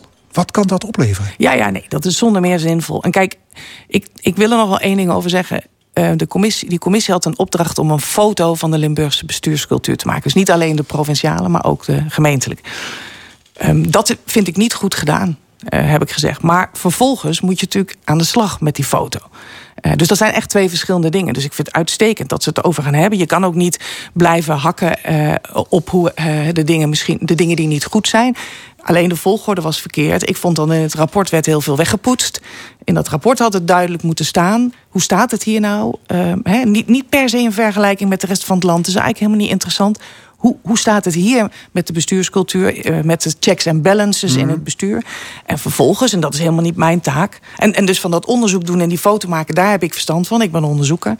Vervolgens moet je als bestuur en moet Roemer inderdaad eh, met burgemeesters en gemeenten eh, ja, dingen gaan verbeteren. Ja, maar vind je dat het hele lokale bestuur dingen als netwerk, corruptie en zo scherper op het netvlies zou moeten krijgen? Ja, ik Moet zou- dat meer aandacht voorkomen? Nou, ik denk dat overal in het land, eh, en zeker ook in deze provincie, controle op het bestuur en een cultuur van kritisch naar je bestuur kijken, dat dat beter kan. Ja, want daar begint het vaak. Hè? Daar, ja, ja, en dat, eh, daar, daar zijn burgemeesters inderdaad een belangrijke speler in. Dus dat moeten ze zeker met elkaar eh, moeten ze het over hebben. Vind ik ook heel goed. Een ander aspect van de bestuurscultuur, eh, dat zijn de omgangsvormen. Taalverruwing, de, de, de obstructie. Dat is in gemeenteraden over het algemeen ook niet allemaal even verheffend. Hè? Nee, net als in de Tweede Kamer Ja. natuurlijk. Ja, ja, ja, de politiek is een spiegel van de samenleving. Dus de verruwing die we. Verontrustend? Ja, ik ben altijd voorzichtig in zeggen dat vroeger alles beter was. Eh, maar ik denk wel, het is wel ruwer dan, eh, dan, dan... In een aantal opzichten is het ruwer dan het vroeger was. Maar ja, dat is, geldt voor de hele samenleving. En dat moeten we met elkaar dan ook weer oplossen. En dat moet in die raden ook eh, Ja. ja. opgelost worden. En raadsleden zelf die krijgen steeds vaker te maken met agressie, bedreigingen, geweld. Dat is in korte tijd verdrievoudigd, hè? Ja. van 5 naar 15 procent. Ja. Jij geeft trainingen aan de aspirant raadsleden, ook hierover. Nee, niet speciaal hierover. Nee, nee, maar ik zie wel eh, dus, eh, in, in de praktijk van het lokaal bestuur dat het, dat het ehm, sowieso de mensen heel erg dwars zit. Dat begrijp ik heel goed. Maar dat het ook begint ehm, een factor te zijn in, in het plezier in het werk. En ook de wens om je nog weer vier jaar hiervoor beschikbaar te Ja. stellen. En dat Dus begrijp de ik heel goed. wordt misschien wel ja, minder straks absoluut. van- En die was al niet zo groot. Ja. Dus ik, dat is echt een zorgelijke eh, factor. Want wat je ook vindt verder van, van de kwaliteit van je, van je bestuurders of je politici. Het, het, het, iemand moet het wel doen. Hè? Want, want ik zit hier ook uh, de, uh, te oreren, zal ik maar zeggen. En de meeste Nederlanders vinden er van alles van. Maar iemand moet, moet daar wel avond aan avond gaan, gaan zitten. Nog een ding, kopstukken van CDA, VVD, GroenLinks en D66 hebben hun lokale afdelingen opgeroepen om niet in zee te gaan met Forum voor Democratie en de PVV. Vind je daar iets van als academicus? Nee, ik vind dat een uh, dat vind ik een, uh, ja, dat is een politiek inhoudelijke overweging. Ik neem aan. Nou ja, ze zeggen erbij, omdat die partijen systematisch de democratische rechtsstaat aanvallen. Ja, ja. nee, ja, ik, ik, ik kan daar inhoudelijk mij op zichzelf iets bij voorstellen. Um, maar de, uiteindelijk bepalen die afdelingen dat zelf. Hè. Dat is ook wel weer uh, mooi. Ja. Um, en het lijkt mij, het geeft een zekere duidelijkheid aan de kiezer. Dus het is altijd, hè, dadelijk heb je die uitslag van die verkiezingen. Dan moet er vinden er ingewikkelde onderhandelingen plaats over coalitievorming. Hè? Want hoe meer partijen, hoe lastiger dat uh, gesprek zal zijn. Net als het in Den Haag de laatste keer in Politiek Den Haag was. Uh, en dan is het ook wel ergens goed dat er van tevoren wordt gezegd... nou, met die doen wij niet, gaan wij dat niet samen doen. dus ik kan mij daar iets bij voorstellen, maar aan de kiezer is het laatste woord, hè? Ja, er zijn nogal wat onderzoeken en waaruit altijd weer eh, naar voren komt dat raadsleden nogal behoorlijk klagen over de werkdruk die op hun schouders ligt. Terecht of, of moeten ze niet zeuren? Nou, ik weet niet zeker of ze klagen. Uh, het is wel heel veel. Uh, en ze klagen ook soms in verhouding tot de vergoeding die ze ervoor krijgen. Het is een, een discussie die al heel lang speelt, omdat het ook raakt aan de vraag of je nou vindt dat een gemeenteraad een, een, ja, een baan is, een fulltime uh, functie is. Of dat het toch, zoals wij het hier in dit land hebben georganiseerd, lekenbestuur is. Hè? Dus onaardig uitgedrukt amateurbestuur. Met als doel dat het mensen zijn die door de weeks met hun beide benen in de samenleving staan, zoals dat dan heet, met een baan of een studie. Of een, en dan dit erbij doen en van daaruit hun gemeente helpen besturen. Je krijgt ook een vergoeding, hè? je krijgt een salaris. Exact, je krijgt ja. een vergoeding. Maar de vraag is natuurlijk wel, zeker in grotere gemeenten, of dat nog een houdbare stellingname is. Dus of dat nog eigenlijk wel kan. En dat, dat is wel. En dat, dat gesprek gaat natuurlijk echt over het fundament van het lokaal bestuur. Vind jij dat daar moeten dadelijk 30 mensen zitten die dat fulltime doen? Of moeten dat gewoon burgers zijn zoals, ja, zoals jij en ik, die daar dan eigenlijk meekijken naar dat bestuur? En ja, dat wordt wel steeds complexer ook en meer ja. werk. Eh, gaat dit ten koste van de kwaliteit? Dat die vergoedingen misschien niet uh, zo hoog zijn als mensen zouden willen? Want uh, je kunt je voorstellen dat je dan ook niet de mensen vindt... die je misschien graag zou willen hebben. Nee, nee het geloof, dat geloof ik eigenlijk niet. Ik denk dat mensen dat zelden of nooit uh, uh, doen vanwege... of juist niet vanwege het geld. Ik denk niet dat dat een factor is, eerlijk gezegd. Dus uh, ik, ik, ik, zie heel veel mensen in de lokale politiek... die echt niet heel, hele lucratieve banen hebben ernaast. en die het ook doen omdat ze vinden dat het belangrijk is. Dus ik geloof ja. niet dat het in die zin een factor is. Maar je krijgt misschien niet die topbestuurder... die je graag in je fractie zou willen hebben... die ja. Ja, de hoed de rand weet. Maar die zou dat waarschijnlijk toch niet doen. Dus, uh, en, als, ja. en anders moet hij dat maar gewoon wel doen. Of als hij met pensioen is. Uh, ja. Uh, ja. Ja, nou ja, behalve betalen kun je je voorstellen... want ja, die dossiers moet je toch allemaal lezen... dus tijd heb je ervoor nodig. Maar je zou natuurlijk wel kunnen kijken... moet je als raadslid niet op het gebied van ondersteuning... iets, iets meer bieden als ja. gemeente? Zou dat mogelijk zijn? Ja, en dat is echt heel slecht geregeld in dit land. En dat komt grappig genoeg... je ziet het overigens ook in de Tweede Kamer... Um, het is ook een beetje een soort vorm van omgekeerd populisme. Uh, dat, dat, dat, dat een soort angst om geld aan jezelf uit te geven. Hè? Want uiteindelijk gaat elke van die 345 gemeenteraden gaat over zijn eigen budget. Want het is snel als je dadelijk drie medewerkers zou hebben, bijvoorbeeld. Ja, dat zou eigenlijk heel, heel, heel normaal zijn. Maar ze durven dat geld er eigenlijk niet aan uit te geven. Vanuit de gedachte, de burger, hè, er is veel bezuinigd voor burgers op het bestuur. Dan moeten wij niet onszelf heel veel geld gaan toekennen. Maar ik vind dat altijd een hele. Het is echt, uh, hoe zeggen Engelsen dat? Penny, penny wise, pound foolish. Uh, je moet. Uh, je, je, ondersteunt dat bestuur goed om burgers van dienst te zijn. En dat betekent dus dat je ook fatsoenlijk jezelf ondersteuning zou moeten toekennen. In plaats van zoals nu in heel veel gemeenten echt anderhalve man en een paardenkop in die griffies. Ja, dat is eigenlijk niet te doen. Die, die, komen, die, die, die mensen werken heel hard, maar die komen niet verder dan het organiseren van de vergaderingen, de stukken stromen. En, en, en terwijl er veel meer nodig is om raadsleden, die dus inderdaad dit naast hun werk doen, te ondersteunen. Inhoudelijk bijvoorbeeld door bepaalde dossiers voor te bereiden. En, en ja, dat, dat zou echt een stuk beter kunnen. Maar daar, dan moeten gemeenteraden zelf zo dapper zijn om daar geld voor uit te trekken. Ja, heb je de indruk dat raadsleden nu echt tegen een muur aanlopen, bijvoorbeeld in het gemeentehuis, tegen de ambtenaren en dergelijke?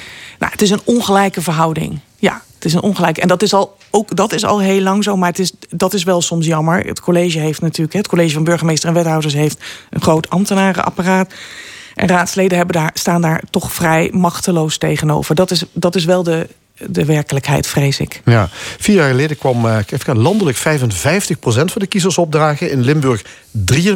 Ligt hier altijd wat lager om de een of andere reden. Ja. Wat, staat het, wat gaat het worden? Ja, ik durf het niet te zeggen, maar het is, ik begrijp dat en dat zou ik ook snappen, dat mensen op dit moment deels natuurlijk andere dingen aan ons hoofd hebben. We hebben andere dingen aan ons hoofd. Eh, met name in de oorlog, uh, met, met name de oorlog in Oekraïne natuurlijk. Maar ik, tegelijkertijd weet ik ook niet of mensen dat aan elkaar knopen. En ik zou gewoon hopen en denken dat het ongeveer hetzelfde is als de vorige keer. Ja, het wordt in elk geval heel goed weer. Ja, ik weet niet wat dat. Dat is beter voor verkiezingen dan, uh, dan regen. Lijkt me wel, hè? Ja. ja. ja. Hartelijk dank, Klaartje Peters, bijzonder hoogleraar lokaal en regionaal bestuur. In uh, Sittard speelt Fortuna tegen Willem II. De allerlaatste Fortuna tegen de nummer 15. Op de perstribune zit Falco Kremers. Falco, hoe waren de eerste 10 minuten? Nou, acht minuten zijn we uh, bezig hier in het uh, stadion. Dus uh, lekker zunken, dat wel. Het is Willem II dat het meeste bal heeft in de openingsfase van deze wedstrijd. Toch een cruciale pot voor Fortuna. Mot gewonnen weer. Fortuna inderdaad de hekkensluiter naar de overwinning van Sparta. Gisteren 18e plek met 19 punten. Willem II, dat zijn op de 15e plek. Ja, drie puntjes meer. En dus is er voor het team van LT alles aan gelegen om hier vandaag een resultaat te gaan halen. Mats Seuntjes, speelt vandaag weer. Dat is een verandering ten opzichte van vorige week. En ook Lisandro Semedo, die mag in de basis beginnen. En dat betekent dat Fortuna met een ander systeem speelt. Als vorige week met uh, meer aanvallende armslag in het elftal. Benieuwd of dat ook gaat oplevert tegen de Tilburgers dus van Willem II. Die het meeste bal hebben. Echte kansen die zijn er nou iets meer dan 8 minuten. Hier in Zittert nog niet geweest. 0-0. Ja, we blijven tot 1 uur degradatieklassieker volgen. Zometeen de stemming, de column van comedienne en kastelein Rezi Koumans. Eerst een soulklassieker van Marvin Gaye.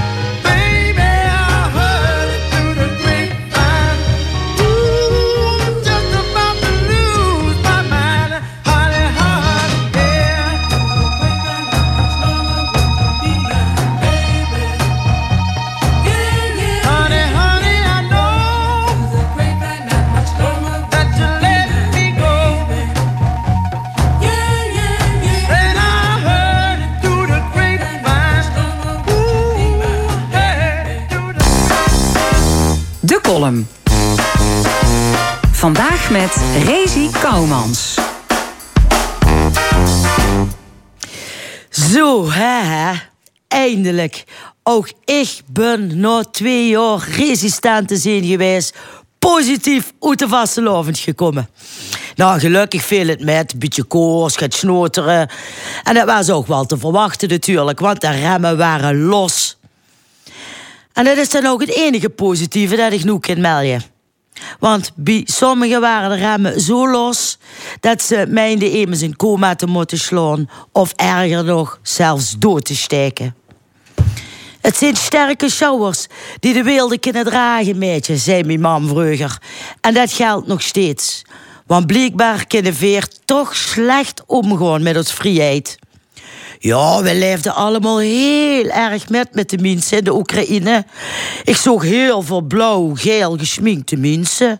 Met een blauw-geel hertje op de borst geplakt. En zelfs in de soepkoel hongen blauw-geel ballonnen. Maar neem eens de Oostervastelovend afneemt. Nee, want veer hebben twee jaar opgesloten gezeten. Hm. Gisteren heb ik de hele dag bij op het Münsterplein gestangen flyeren voor de verkiezingen. En je moet zeggen, zei het net ook al tegen Cor, tegen beter weten in. Want de weinige lui, die zijn er nu nog mee bezig. Er was er zelfs een die durfde te zeggen... stik toch met een oorlog door. Je hebt twee jaar mijn mam niet mogen zien... en hoe verwachten ze dat ik geld geef aan de Oekraïne? Nee, echt niet. Nou, en blijf dan maar eens netjes en correct. Dan zou ze toch leven in de slaag geven, of niet? En zeggen, beseft ze niet meer goed dat ze niet jups. Veel mogen nog gaan stemmen. Veel mogen niet zeggen dat Rutte een piepo is... die alleen maar chocomel drinkt. De zo goed gaat bedreiging op sociale media. Maar als in Rusland per ongeluk zegt dat Poetin best een leuk setje zou zijn met Ger Koopmans... Hè, dan zit ze niet alleen maar twee jaar vast. Nee, dan verdwijnt ze in de permafrost van Siberië. Ja, Poetin zelf zei het, het is geen oorlog. Het is een vredes, vredesmissie tegen het naziregime van het Westen. En een stiekem, heel stiekem, hè, soms denk ik, zou er door niet een klein beetje gelegen hebben. Maar wie de oorlog nog het verder weg woer, in Afghanistan of Irak of nummer op, ja, toen trokken we het niet zo erg aan. Ja, ook dat was verschrikkelijk. Maar nu is het zo dun. Nu zien we op de televisie een klein blond meisje Frozen zingen in een schuilkelder. En dan breekt ons hart. En verhongerde duizenden miljoenen Oekraïners is plaats. Terecht. Maar 2000 Afghanen, nee, die wil nemen in een oorf hebben. Ik heb het al dukker gezegd. De wereld is mechtig groot. En ik kan het allemaal niet behappen en staan oplossen. Dus ik probeer hem zo klein mogelijk te maken. Mijn gezin, mijn buren, mijn stad. En doet het best om die een beetje bijeen te haaien. En vooral leef te zien voor iedereen. En ook al kijkt nemers. En daarom zijn de lokaalverkiezingen toch belangrijk. Gang in godsnaam stemmen. Pakt hij recht, zolang het nog kent. De column van Rezi Kouwmans. En aangeschoven hier aan tafel is het opiniepanel van dienst. We bespreken zometeen de tweede week van de oorlog in Oekraïne. De door de rechter opgelegde terugkeer van Voltkamerlid Gundogan... het nut en noodzaak van kooprachtreparatie... en het einde van de coronamaatregelen. Het panel deze week bestaat uit ondernemer Cor Bosman... communicatiedeskundige Loek Hustings... en actief PvdA-lid Joost Reinaerts. De oorlog in Oekraïne, heren. Uh, president Zelensky die denkt dat binnen een x aantal dagen zijn land zal zijn bevrijd van de Russen. Denken jullie dat ook? Of is dit pep talk? Ik bedoeld om de burgers moed in te spreken? Nee. Ik begrijp niet hoe die eraan komt. Als je nou ziet met welke bizarre intenties die Russen daar bezig zijn met niet aflatende bombardementen en ga zo maar door. Ik zie dat nog niet 1, 2, 3 tot het einde komen. Ik zie alleen vreselijke verwoestingen die, die iedere dag toenemen. En mijn overtuiging is, stel voor dat die tot een staakt het vuren komen... en dat er dan vredesonderhandelingen beginnen. Voordat je die rotzooi hebt opgeruimd, dan gaat... Daar gaan jaren overheen. De ellende die daar is aangericht in die, in, in dat Oekraïne. daar zijn, we, daar zijn de mensen daar de eerste twintig jaar nog niet vanaf. Nee, dat klopt. Joost Reinaerts? Ehm, ik kan me niet voorstellen, maar ik snap wel waarom hij het roept. Ehm, hij is uh, noodgedwongen eigenlijk op bevel wapen geworden van een land in oorlog. Ehm, ik eh, zie dat hij zijn rol met verve vervult. Hij heeft ook een andere keuze, hè? Ehm, en je hebt helemaal, en je hij staat met de rug tegen de muur. Hij staat met de rug tegen de muur. En het, het, het allererge wrang is, je hebt helemaal gelijk wat je zegt... maar het allererge is dat hij dus niet terug kan. Hij moet zijn troepen, zijn volk aansporen om door te vechten omdat hij niet anders kan. Het gaat over het overleven van zijn land. Poetin die is het uit het land kapot te maken. Dat zien we allemaal. En hij moet iedere dag dat hij langer stand houdt... heeft hij dus kans om het best mogelijk voor zijn land eruit te halen. Dat is heel cruw. Jij bent dus in een positie dat jij mensen, mannen, vrouwen, kinderen moet opofferen... om het grotere geheel te redden. Dat is afschuwelijk. Ik zou nooit met die man ruilen. Afschuwelijk. Maar hij kan niet anders, hè? Hij kan niet anders. Nee, maar ik, ik, zou, ik zou niet in die positie willen komen. Nee, nee, nee, nee. nee. Cor Bosman? Ja, laat ik vooropstellen dat uh, wat daar gebeurt... dat dat gewoon verschrikkelijk is. Gewoon humanitaire ramp in het kwadraat. Uh, we hebben het aan deze tafel er ook al een aantal keren over gehad. En ik heb toen vrij stellig... Uh, was ik ervan overtuigd dat het niet tot een oorlog zou komen. Nou, helaas is het tegendeel ja, is gebleken nu. Ehm, maar ik probeer me wel ehm, te verplaatsen van wat er nu gebeurt, wat ligt daar ten grondslag aan? En nogmaals, ik keur het daar absoluut niet mee, eh, niet mee goed wat er gebeurt. Maar nu, omdat die invasie van Rusland in Oekraïne heeft plaatsgevonden, eh, vergeten we, voor mijn gevoel heel gemakkelijk, dat er al eh, eh, meer dan tien jaar een, een, een oorlog aan de gang is, die, uh, die in het oosten van Oekraïne plaatsvindt, gesteund door, uh, door Rusland. En we aan de andere kant een groot gedeelte van de Oekraïnse bevolking hebben die graag wil toetreden tot de Europese Unie tegen het zere been van Rusland in.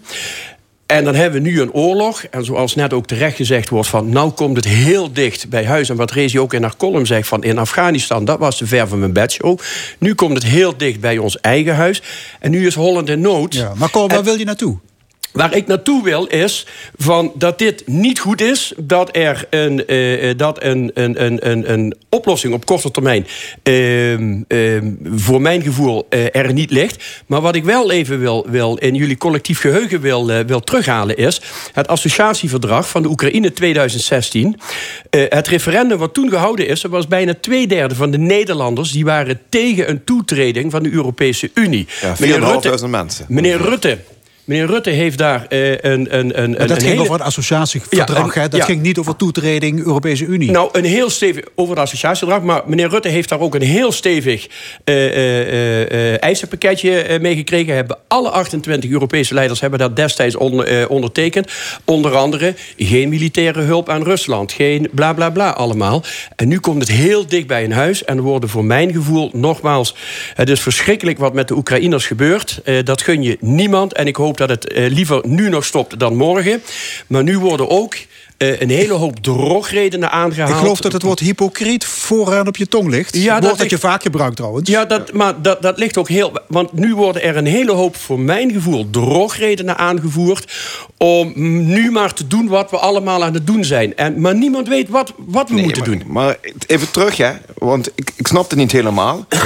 um, Poetin valt een ander land binnen. Mhm. Mm -hmm. Gaat daarin veel verder dan wat wij gedacht hadden, mm -hmm. gevreesd hadden. Ja. Um, en jij zegt, we zijn nu hypocriet dat wij dus een associatieverdrag getikt hebben. Dat gaat hier niet over. Het gaat hier over dat een, een keizer, president, een, iemand die zelf als een tsaar ziet... vindt dat Oekraïne hem toekomt op basis van historische redenen... Ja. die sterker nog niet eens helemaal correct zijn. Want in 1994, ik wil het even toch even gezegd hebben... Um, toen Oekraïne afhankelijk werd... Oekraïne is het enige land ter wereld... die ooit vrijwillig afstand genomen heeft... van zijn eigen kernwapens... teruggeven aan Rusland gezegd heeft... je krijgt ze terug... Dat was een enorme levensverzekering geweest. Ik ben anti-atoomwapens geweest. Maar het was nu een enorme levensverzekering geweest. Ze hebben ze vrijwillig teruggegeven. En Rusland heeft destijds gezegd... we accepteren de onafhankelijkheid van Oekraïne. Dat vertrappen ze niet eens met voeten. Ze vernederen het gewoon. Dus dat klopt niet wat jij zegt. Ik ben het er pertinent niet mee eens. Nou, dat mag, dat mag. Maar ik heb mij, ook de laatste tijd heb ik mij geprobeerd te, te, te, ehm, te zoeken naar van wat beweegt een man als Poetin, een wereldspeler op onze aardbol, te doen wat hij nu heeft gedaan. Poetin weet dat hij voor de rest van zijn leven een paria is. En jij zegt van op basis van historische gegevens... maar in 882 is in Kiev het volk der Russen.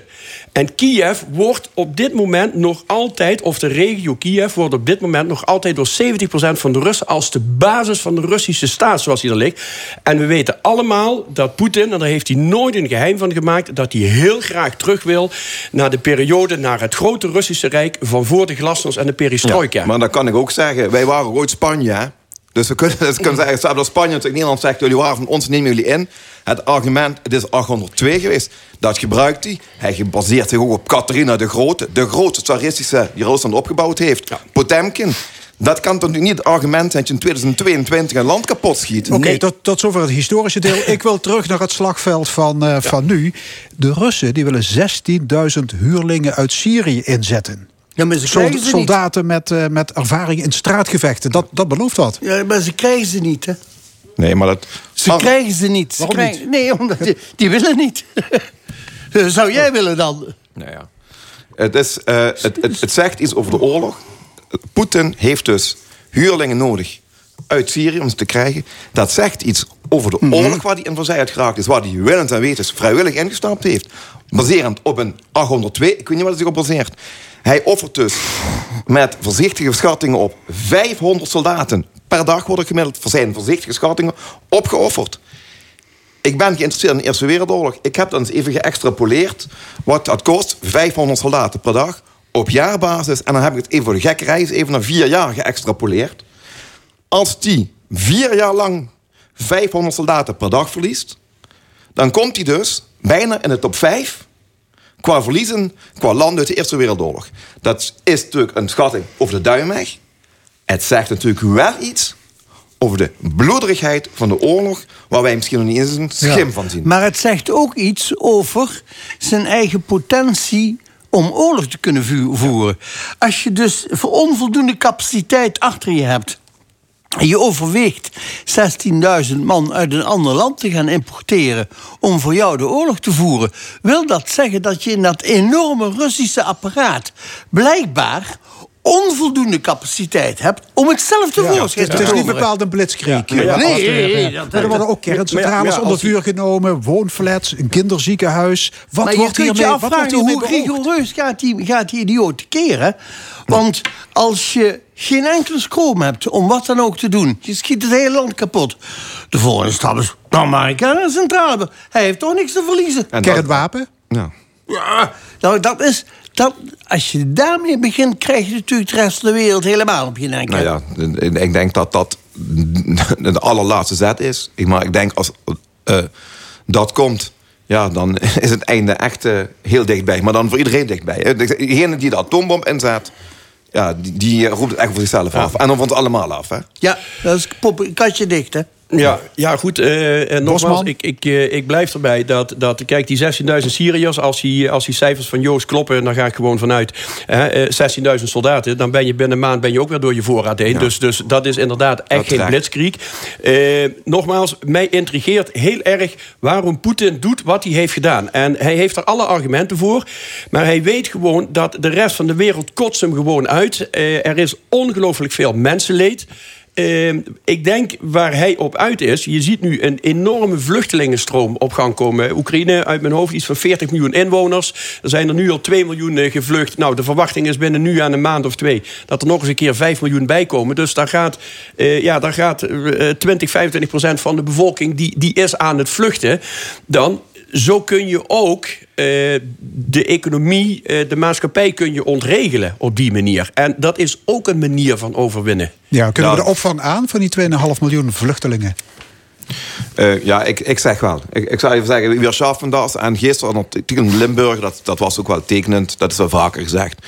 Tijdens de Eerste Wereldoorlog heeft Nederland 1 miljoen Belgische vluchtelingen opgevangen. Dus eh, ja, het kan. De vraag is alleen tegen welke kosten, tegen welke maatschappelijke kosten, welke ontwrichting krijgen. Dat ben ik wel En, met en hoe lang die eensgezindheid zal En duren. hoe lang duurt die Ja, eensgezindheid? Dat is ook nog zo, hè? bedoel, Eh, bij, de, pandemie was die eh, mee eens, solidariteit ook, Die was ook, op ook een heel hoog en die, die verbrokkelde dus. Komt ook bij natuurlijk dat de oorlog... die heeft nu al bij ons allemaal... eh soms is een intrede gedaan, hè. Eh, we voelen het allemaal, hè. We hebben het over energiearmoede. Als we gaan tanken, dan, eh, dan, dan schrikken we allemaal. Dus die oorlog, die is al bij ieder een voelbaar. En als die nog meer voelbaar wordt... dan kan inderdaad het sentiment omslaan. Dat geloof ik wel. Maar daar staat ook tegenover dat die vluchtelingen ook een economische component in positieve zin met zich meebrengen. Want werk dat nu niet gedaan kan worden. Hè? Je, je, je hoort overal, we hebben eindeloze vacatures die opgevuld moeten worden. Komt hier een stroom eh, Oekraïners naartoe die zeggen: we willen graag wat doen, geef ons wat te werken. Ja, maar Loek, daar zit ook een andere kant aan. En eh, dan heb je ook te maken met het draagvlak van de bevolking. Nu ziet iedereen eh, uit eerste hand... we hebben 2,5 week eerst een oorlog aan de gang. Het is allemaal verschrikkelijk. En de media doet daar heel goed werk in. Dus ze laten alles zien. Maar als ik dan kijk wat onze overheid wil... met onze 25 veiligheidsregio's... per veiligheidsregio 2000 mensen opvangen. Dan, dat zijn 50.000 mensen. We kampen nu al met 100.000 woningen achterstand per jaar. Eh, ik vraag mij af, en nogmaals, als ik in een oorlogssituatie zat, dan zou ik ook graag ergens anders onderdak willen krijgen. Maar als wij 50.000 mensen hier op de stoep hebben staan, in een woningmarkt die al overspannen is, dan vraag ik mij af van wat gaat dat doen met het draagvlak, et cetera, et cetera. Nee, en, dat, is wel een zorg die deel ik wel op termijn met wat Corrie zegt. Dat, dit zal op een gegeven moment denk ik een ding gaan worden wat echt gaat wringen. Zeker als mensen zelf al het echte oorlog ook echt in de beurs voelen.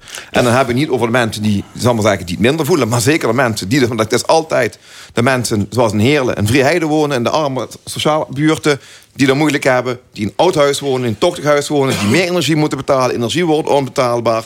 Ehm, ze wonen in Heerlen, werken in Sittard, kunnen bij zich de benzine niet meer betalen. Eh, daar komt rekening aan. Ja, die moet je meenemen, zeg maar. En als je die niet meeneemt, dan heb je dus nog meer tweespalt in de samenleving. Maar dat wil zeggen dat wij als eh, Nederland en onze regeringen in de, in de laatste eh 35 jaar het wel behoorlijk verkloot hebben. Hè? Als je dus. Ja, nou, regeren is vooruitzien. Er is niet vooruitgezien. Die woningnood die nu ontstaat, is een kwestie van dat men niet tijdig vooruitgezien heeft. En als men het gezien heeft, dat men niet adequaat heeft opgetreden. Nou, dat kun je op woninggebied. Maar dat kun je op alle mogelijke gebieden kun je dat aanwijzen.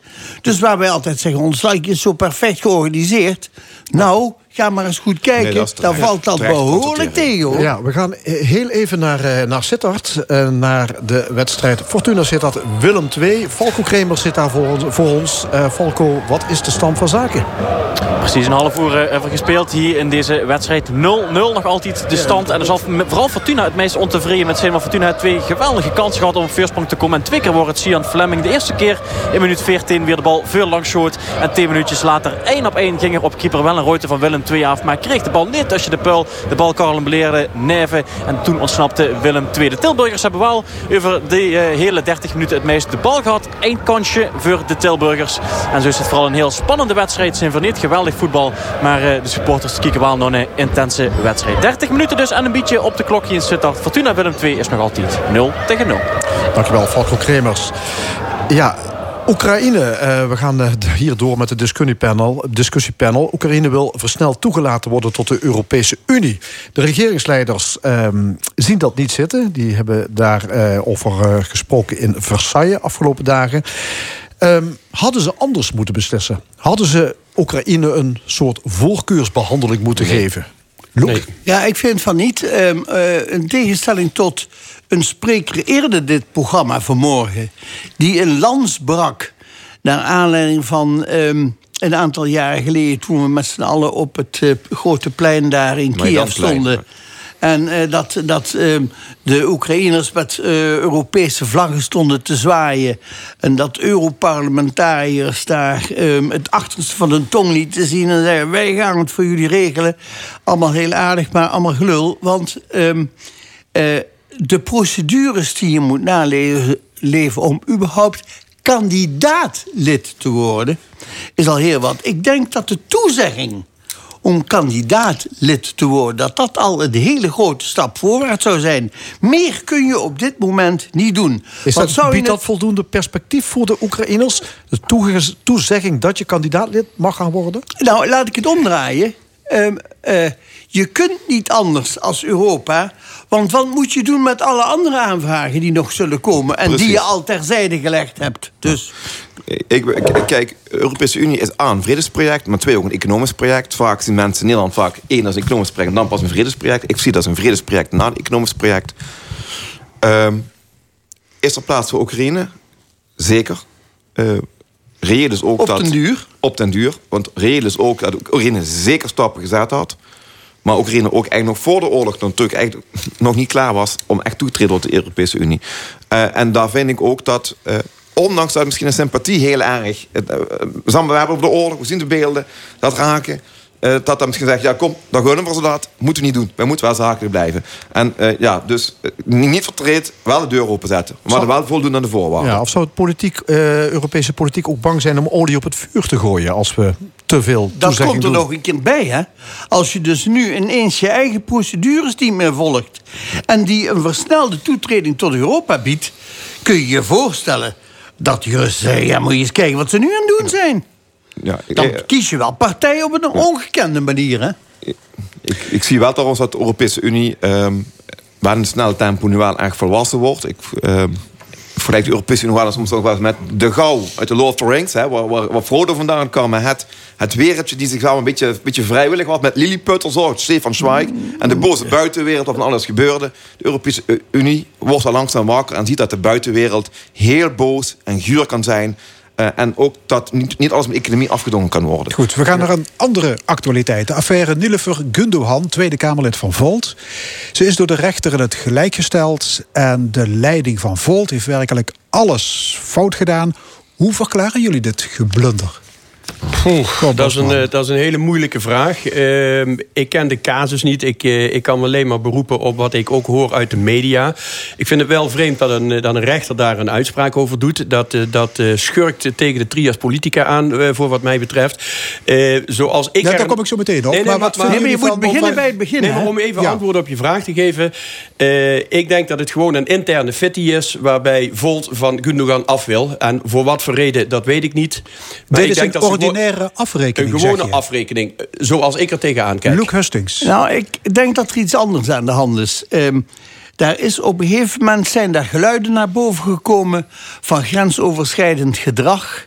En dingen die, waar, die werken als een lap op een rode stier. Eh, als een rode lap op een stier. Ehm, eh, in het verleden. Op het moment dat er zoiets gebeurt, dan staat zo'n partijleiding meteen op zijn, op zijn eh, hoogste punten. En eh, dan gaat het erom. Punt 1. Het is een onervaren clubje, want ze zitten noord in de Kamer. Punt 2. De angst om fouten te maken en om het te lang te laten aanslepen. Dus meteen reageren. Hè, snel willen zijn. En eh, voorkomen dat je een soort MeToo-toestand krijgt. Dat je achteraf het verwijt krijgt. Ja, jullie wisten ervan, maar jullie deden niks. Dus zo, met deze achtergrond hebben die een beslissing genomen... wat nu door de rechter procedureel, procedureel gezegd wordt... dat was de verkeerde beslissing. Maar ik hoor je zeggen, zonder alle commotie rond The Voice en dat grensover... Was dit niet gebeurd? Ik denk dat dat veel minder aanleiding was. Dan was dat, had dat zo vaak niet gelopen. Maar goed. Reinaerts. Ja, en aanvulling, ja, alles wat jij gezegd hebt, is wel uitgekomen. Dus het is stuk wel geschutter van de bovenste plank. Ja. Eh, en daarbij, daar worden ook echt mensen hiermee dus echt letterlijk figuurlijk voor de rest van hun carrière enorm beschadigd. Ehm, en de vraag is ook, is dit een politiek vraagstuk of is dit een arbeidsjuridisch vraagstuk? En dat is ook wat, de recht- rechter mee zit. Waar gaat de rechter op stoel gaat hij nou zitten? Ik vond het ook wel lastig. Ehm, de kern is wel, denk ik gewoon, dat die partij zichzelf wel enorm daarmee tekort doet. Nee, dat Eh, is helder. Maar eh, staatsrechtdeskundigen en niet de minsten... die, die zijn hooglijk verbaasd over dat vonnis. Ze zeggen, de rechter gaat hier helemaal niet over. Nee, dat klopt. Eh, De dat- Tweede Kamerfractie is geen zelfstandig rechtspersoon. Ja, maar de en, rechter- en de rechter moet zich dat- sowieso niet dat- bemoeien dat- met maar Dat is wat politiek. te zeggen. Want als er volgende nou iemand een ruzie krijgt met zijn fractie... en men zegt van, eh, we nemen jou het woordvoerderschap sociale zaken... gaat die dan in de rechter dat terug eisen. Dus ik snap dat dus. Is het dan een arbeidsjuridisch vraagstuk of een politiek vraagstuk? Ik snap ook dat die man had daar... die had moeten zeggen, u gaat het zelf oplossen met een mediator. Eh, daar gaan wij niet over. Ik vind het heel dom. Maar ja, de slecht. uitspraak is gedaan, hè? Ja, het kwaad is geschied, zullen we maar zeggen. En dus gaat, gaat nu, eh, en dat vind ik ook heel terecht, dat volgde een hoger beroep. Die hebben Ja, eerst hij nou, voelt sorry, je mag Ja. terugkeren. Ja, ja, ja, ja. Morgen En nu overwegen. Het is wel een circus, hè? Ja, ja, maar goed. eh, eh, heb jij het draaiboek klaar liggen wat je zou moeten doen in zo'n wel? Zo'n jong partijtje zonder enige ervaring al helemaal Ja, niet. even- nou, ik zou even- beginnen met het goed onderzoeken van alle aantijgingen. Ja, Dat is toch dan, het begin? Daar gaat tijd overheen, hè? Ja. Ja. Ja, maar en goed, wat, even- wat ik daarnet zei is... Tijd kan ook tegen je werken. Want dan zeggen ze... Aha, jullie wisten dat het gebeurde. Je liet het maar doorrommelen. Jullie hebben niet snel en adequaat gehandeld. Ieder klein kind had het toch kunnen zien. Dus Nee, oké, maar goed, je maar goed, staat maar- onder druk. Maar goed, ik, ik kan wel zeggen, en dan spreek ik echt een beetje uit eigen ervaring. Is dan, ik ben actief bij de Partij van de Arbeid in Heerlen. Wij hadden vier jaar geleden nog een wethouder, een lijsttrekker, Barry Braken. Eh, nou, die eh, vertrok ook als een schim in de nacht. Ons met vragen achterlatende. Wij wisten ook niet wat te doen. Ehm, als, en dat had anders opgelost moeten worden. Wij hebben er destijds heel veel last van gehad. En ik snap ook, bijvoorbeeld, dat is nog eens een keer drie maanden groter. Wat dit voor kwaad doet binnen een partij. Dan had je liever iets meer tijd moeten nemen om het goed uit te zoeken. In plaats van ehm, paniek in de avond, persberichten deur uitjagen en ruzie maken. Want dat krijg je dus. Daar is niet goed over nagedacht. En daar heb je nu de problemen van. En daar heeft de hele partij zich echt geen goed mee gedaan. En die ellende blijft, eh, laten we zeggen, het gevolg van deze ellende gaat nog lang doorsudderen bij hun. Dat suddert door. En je zult maar lid zijn bijvoorbeeld in Maastricht. Mede met de gemeenteraadsverkiezingen. Ja. Heb je een mooi verhaal op straat te vertellen. Dan ga je niet over de inhoud. Dan heb je het over, eh, over die mevrouw, die meneer Dassen, zeg maar. Ja, die maar werken zich in ongeluk om een goed resultaat te Ja, behalen bij de eh, verkiezingen. En het resultaat is straks. eh, Ja, niks. Ja, Omdat... maar je kunt het toch niet eens uitleggen? Daar begrijpt toch niemand een Ja. kat van? Nee, daarom. Dus eh, absoluut een kwalijke zaak. Waar mensen heel, eh, ja, heel teleurgesteld, kapot gemaakt uitkomen. Volt heeft drie zetels. Eh, hoe groot is de kans dat dat weer een eh, hecht team wordt? Heel klein. Eh, ik blijf erbij. eh, voor mij is dit een ordinaire afrekening waarbij ze ja, het verkeerde pad hebben gekozen, eh, de verkeerde strategie. Eh, vraag je aan mij van had het op een andere manier gekund? Ja, absoluut. Je krijgt nu weer het verhaaltje trial by media. Mensen worden beschadigd. Ze doen zich daar absoluut zelf geen plezier mee. En wat er intern gebeurd is, dat zullen wij nooit te weten gaan komen. Dan is het arbeidsrechtelijk. Nou, dan mag een rechter daar iets over beslissen. Voert mevrouw Gundogan zich in haar eer aangetast, dan kan ze ook naar de rechter stappen. Maar ze doen zich hier zelf geen Het plezier mee. het wordt steeds erger. Hartelijk dank. Discussiepanel vandaag met Cor Bosman, Loek Hustings en Joost Reinaerts. Het is bijna rust bij Fortuna Willem II. Nog heel kort. Falco. 40 minuten op de klok hebben we een, een enorme kans nog gezien voor Willem II via Kabango. Ook die hebben nu een 100% kans gehad. Maar die ging er niet in omdat keeper van ons van Fortuna goed te redden. Zo blieft het hier spannend, maar wel doelpuntloos in het Sittard. 0-0 met nog 4 minuten tot de rust. Dankjewel, Falco Kremers. Dit was De Stemming, vandaag gemaakt door Edwin Maas, Fons Geraas en Frank Ruber. Graag tot volgende week zondag, dan weer om 11 uur op deze zender. En dit programma is terug te luisteren via onze website l1.nl en ook via podcast. Zometeen op deze zender L1 Sport en Co met onder meer het vervolg van Fortuna Willem II. Tussenstand 0-0. Nog een hele mooie zondag.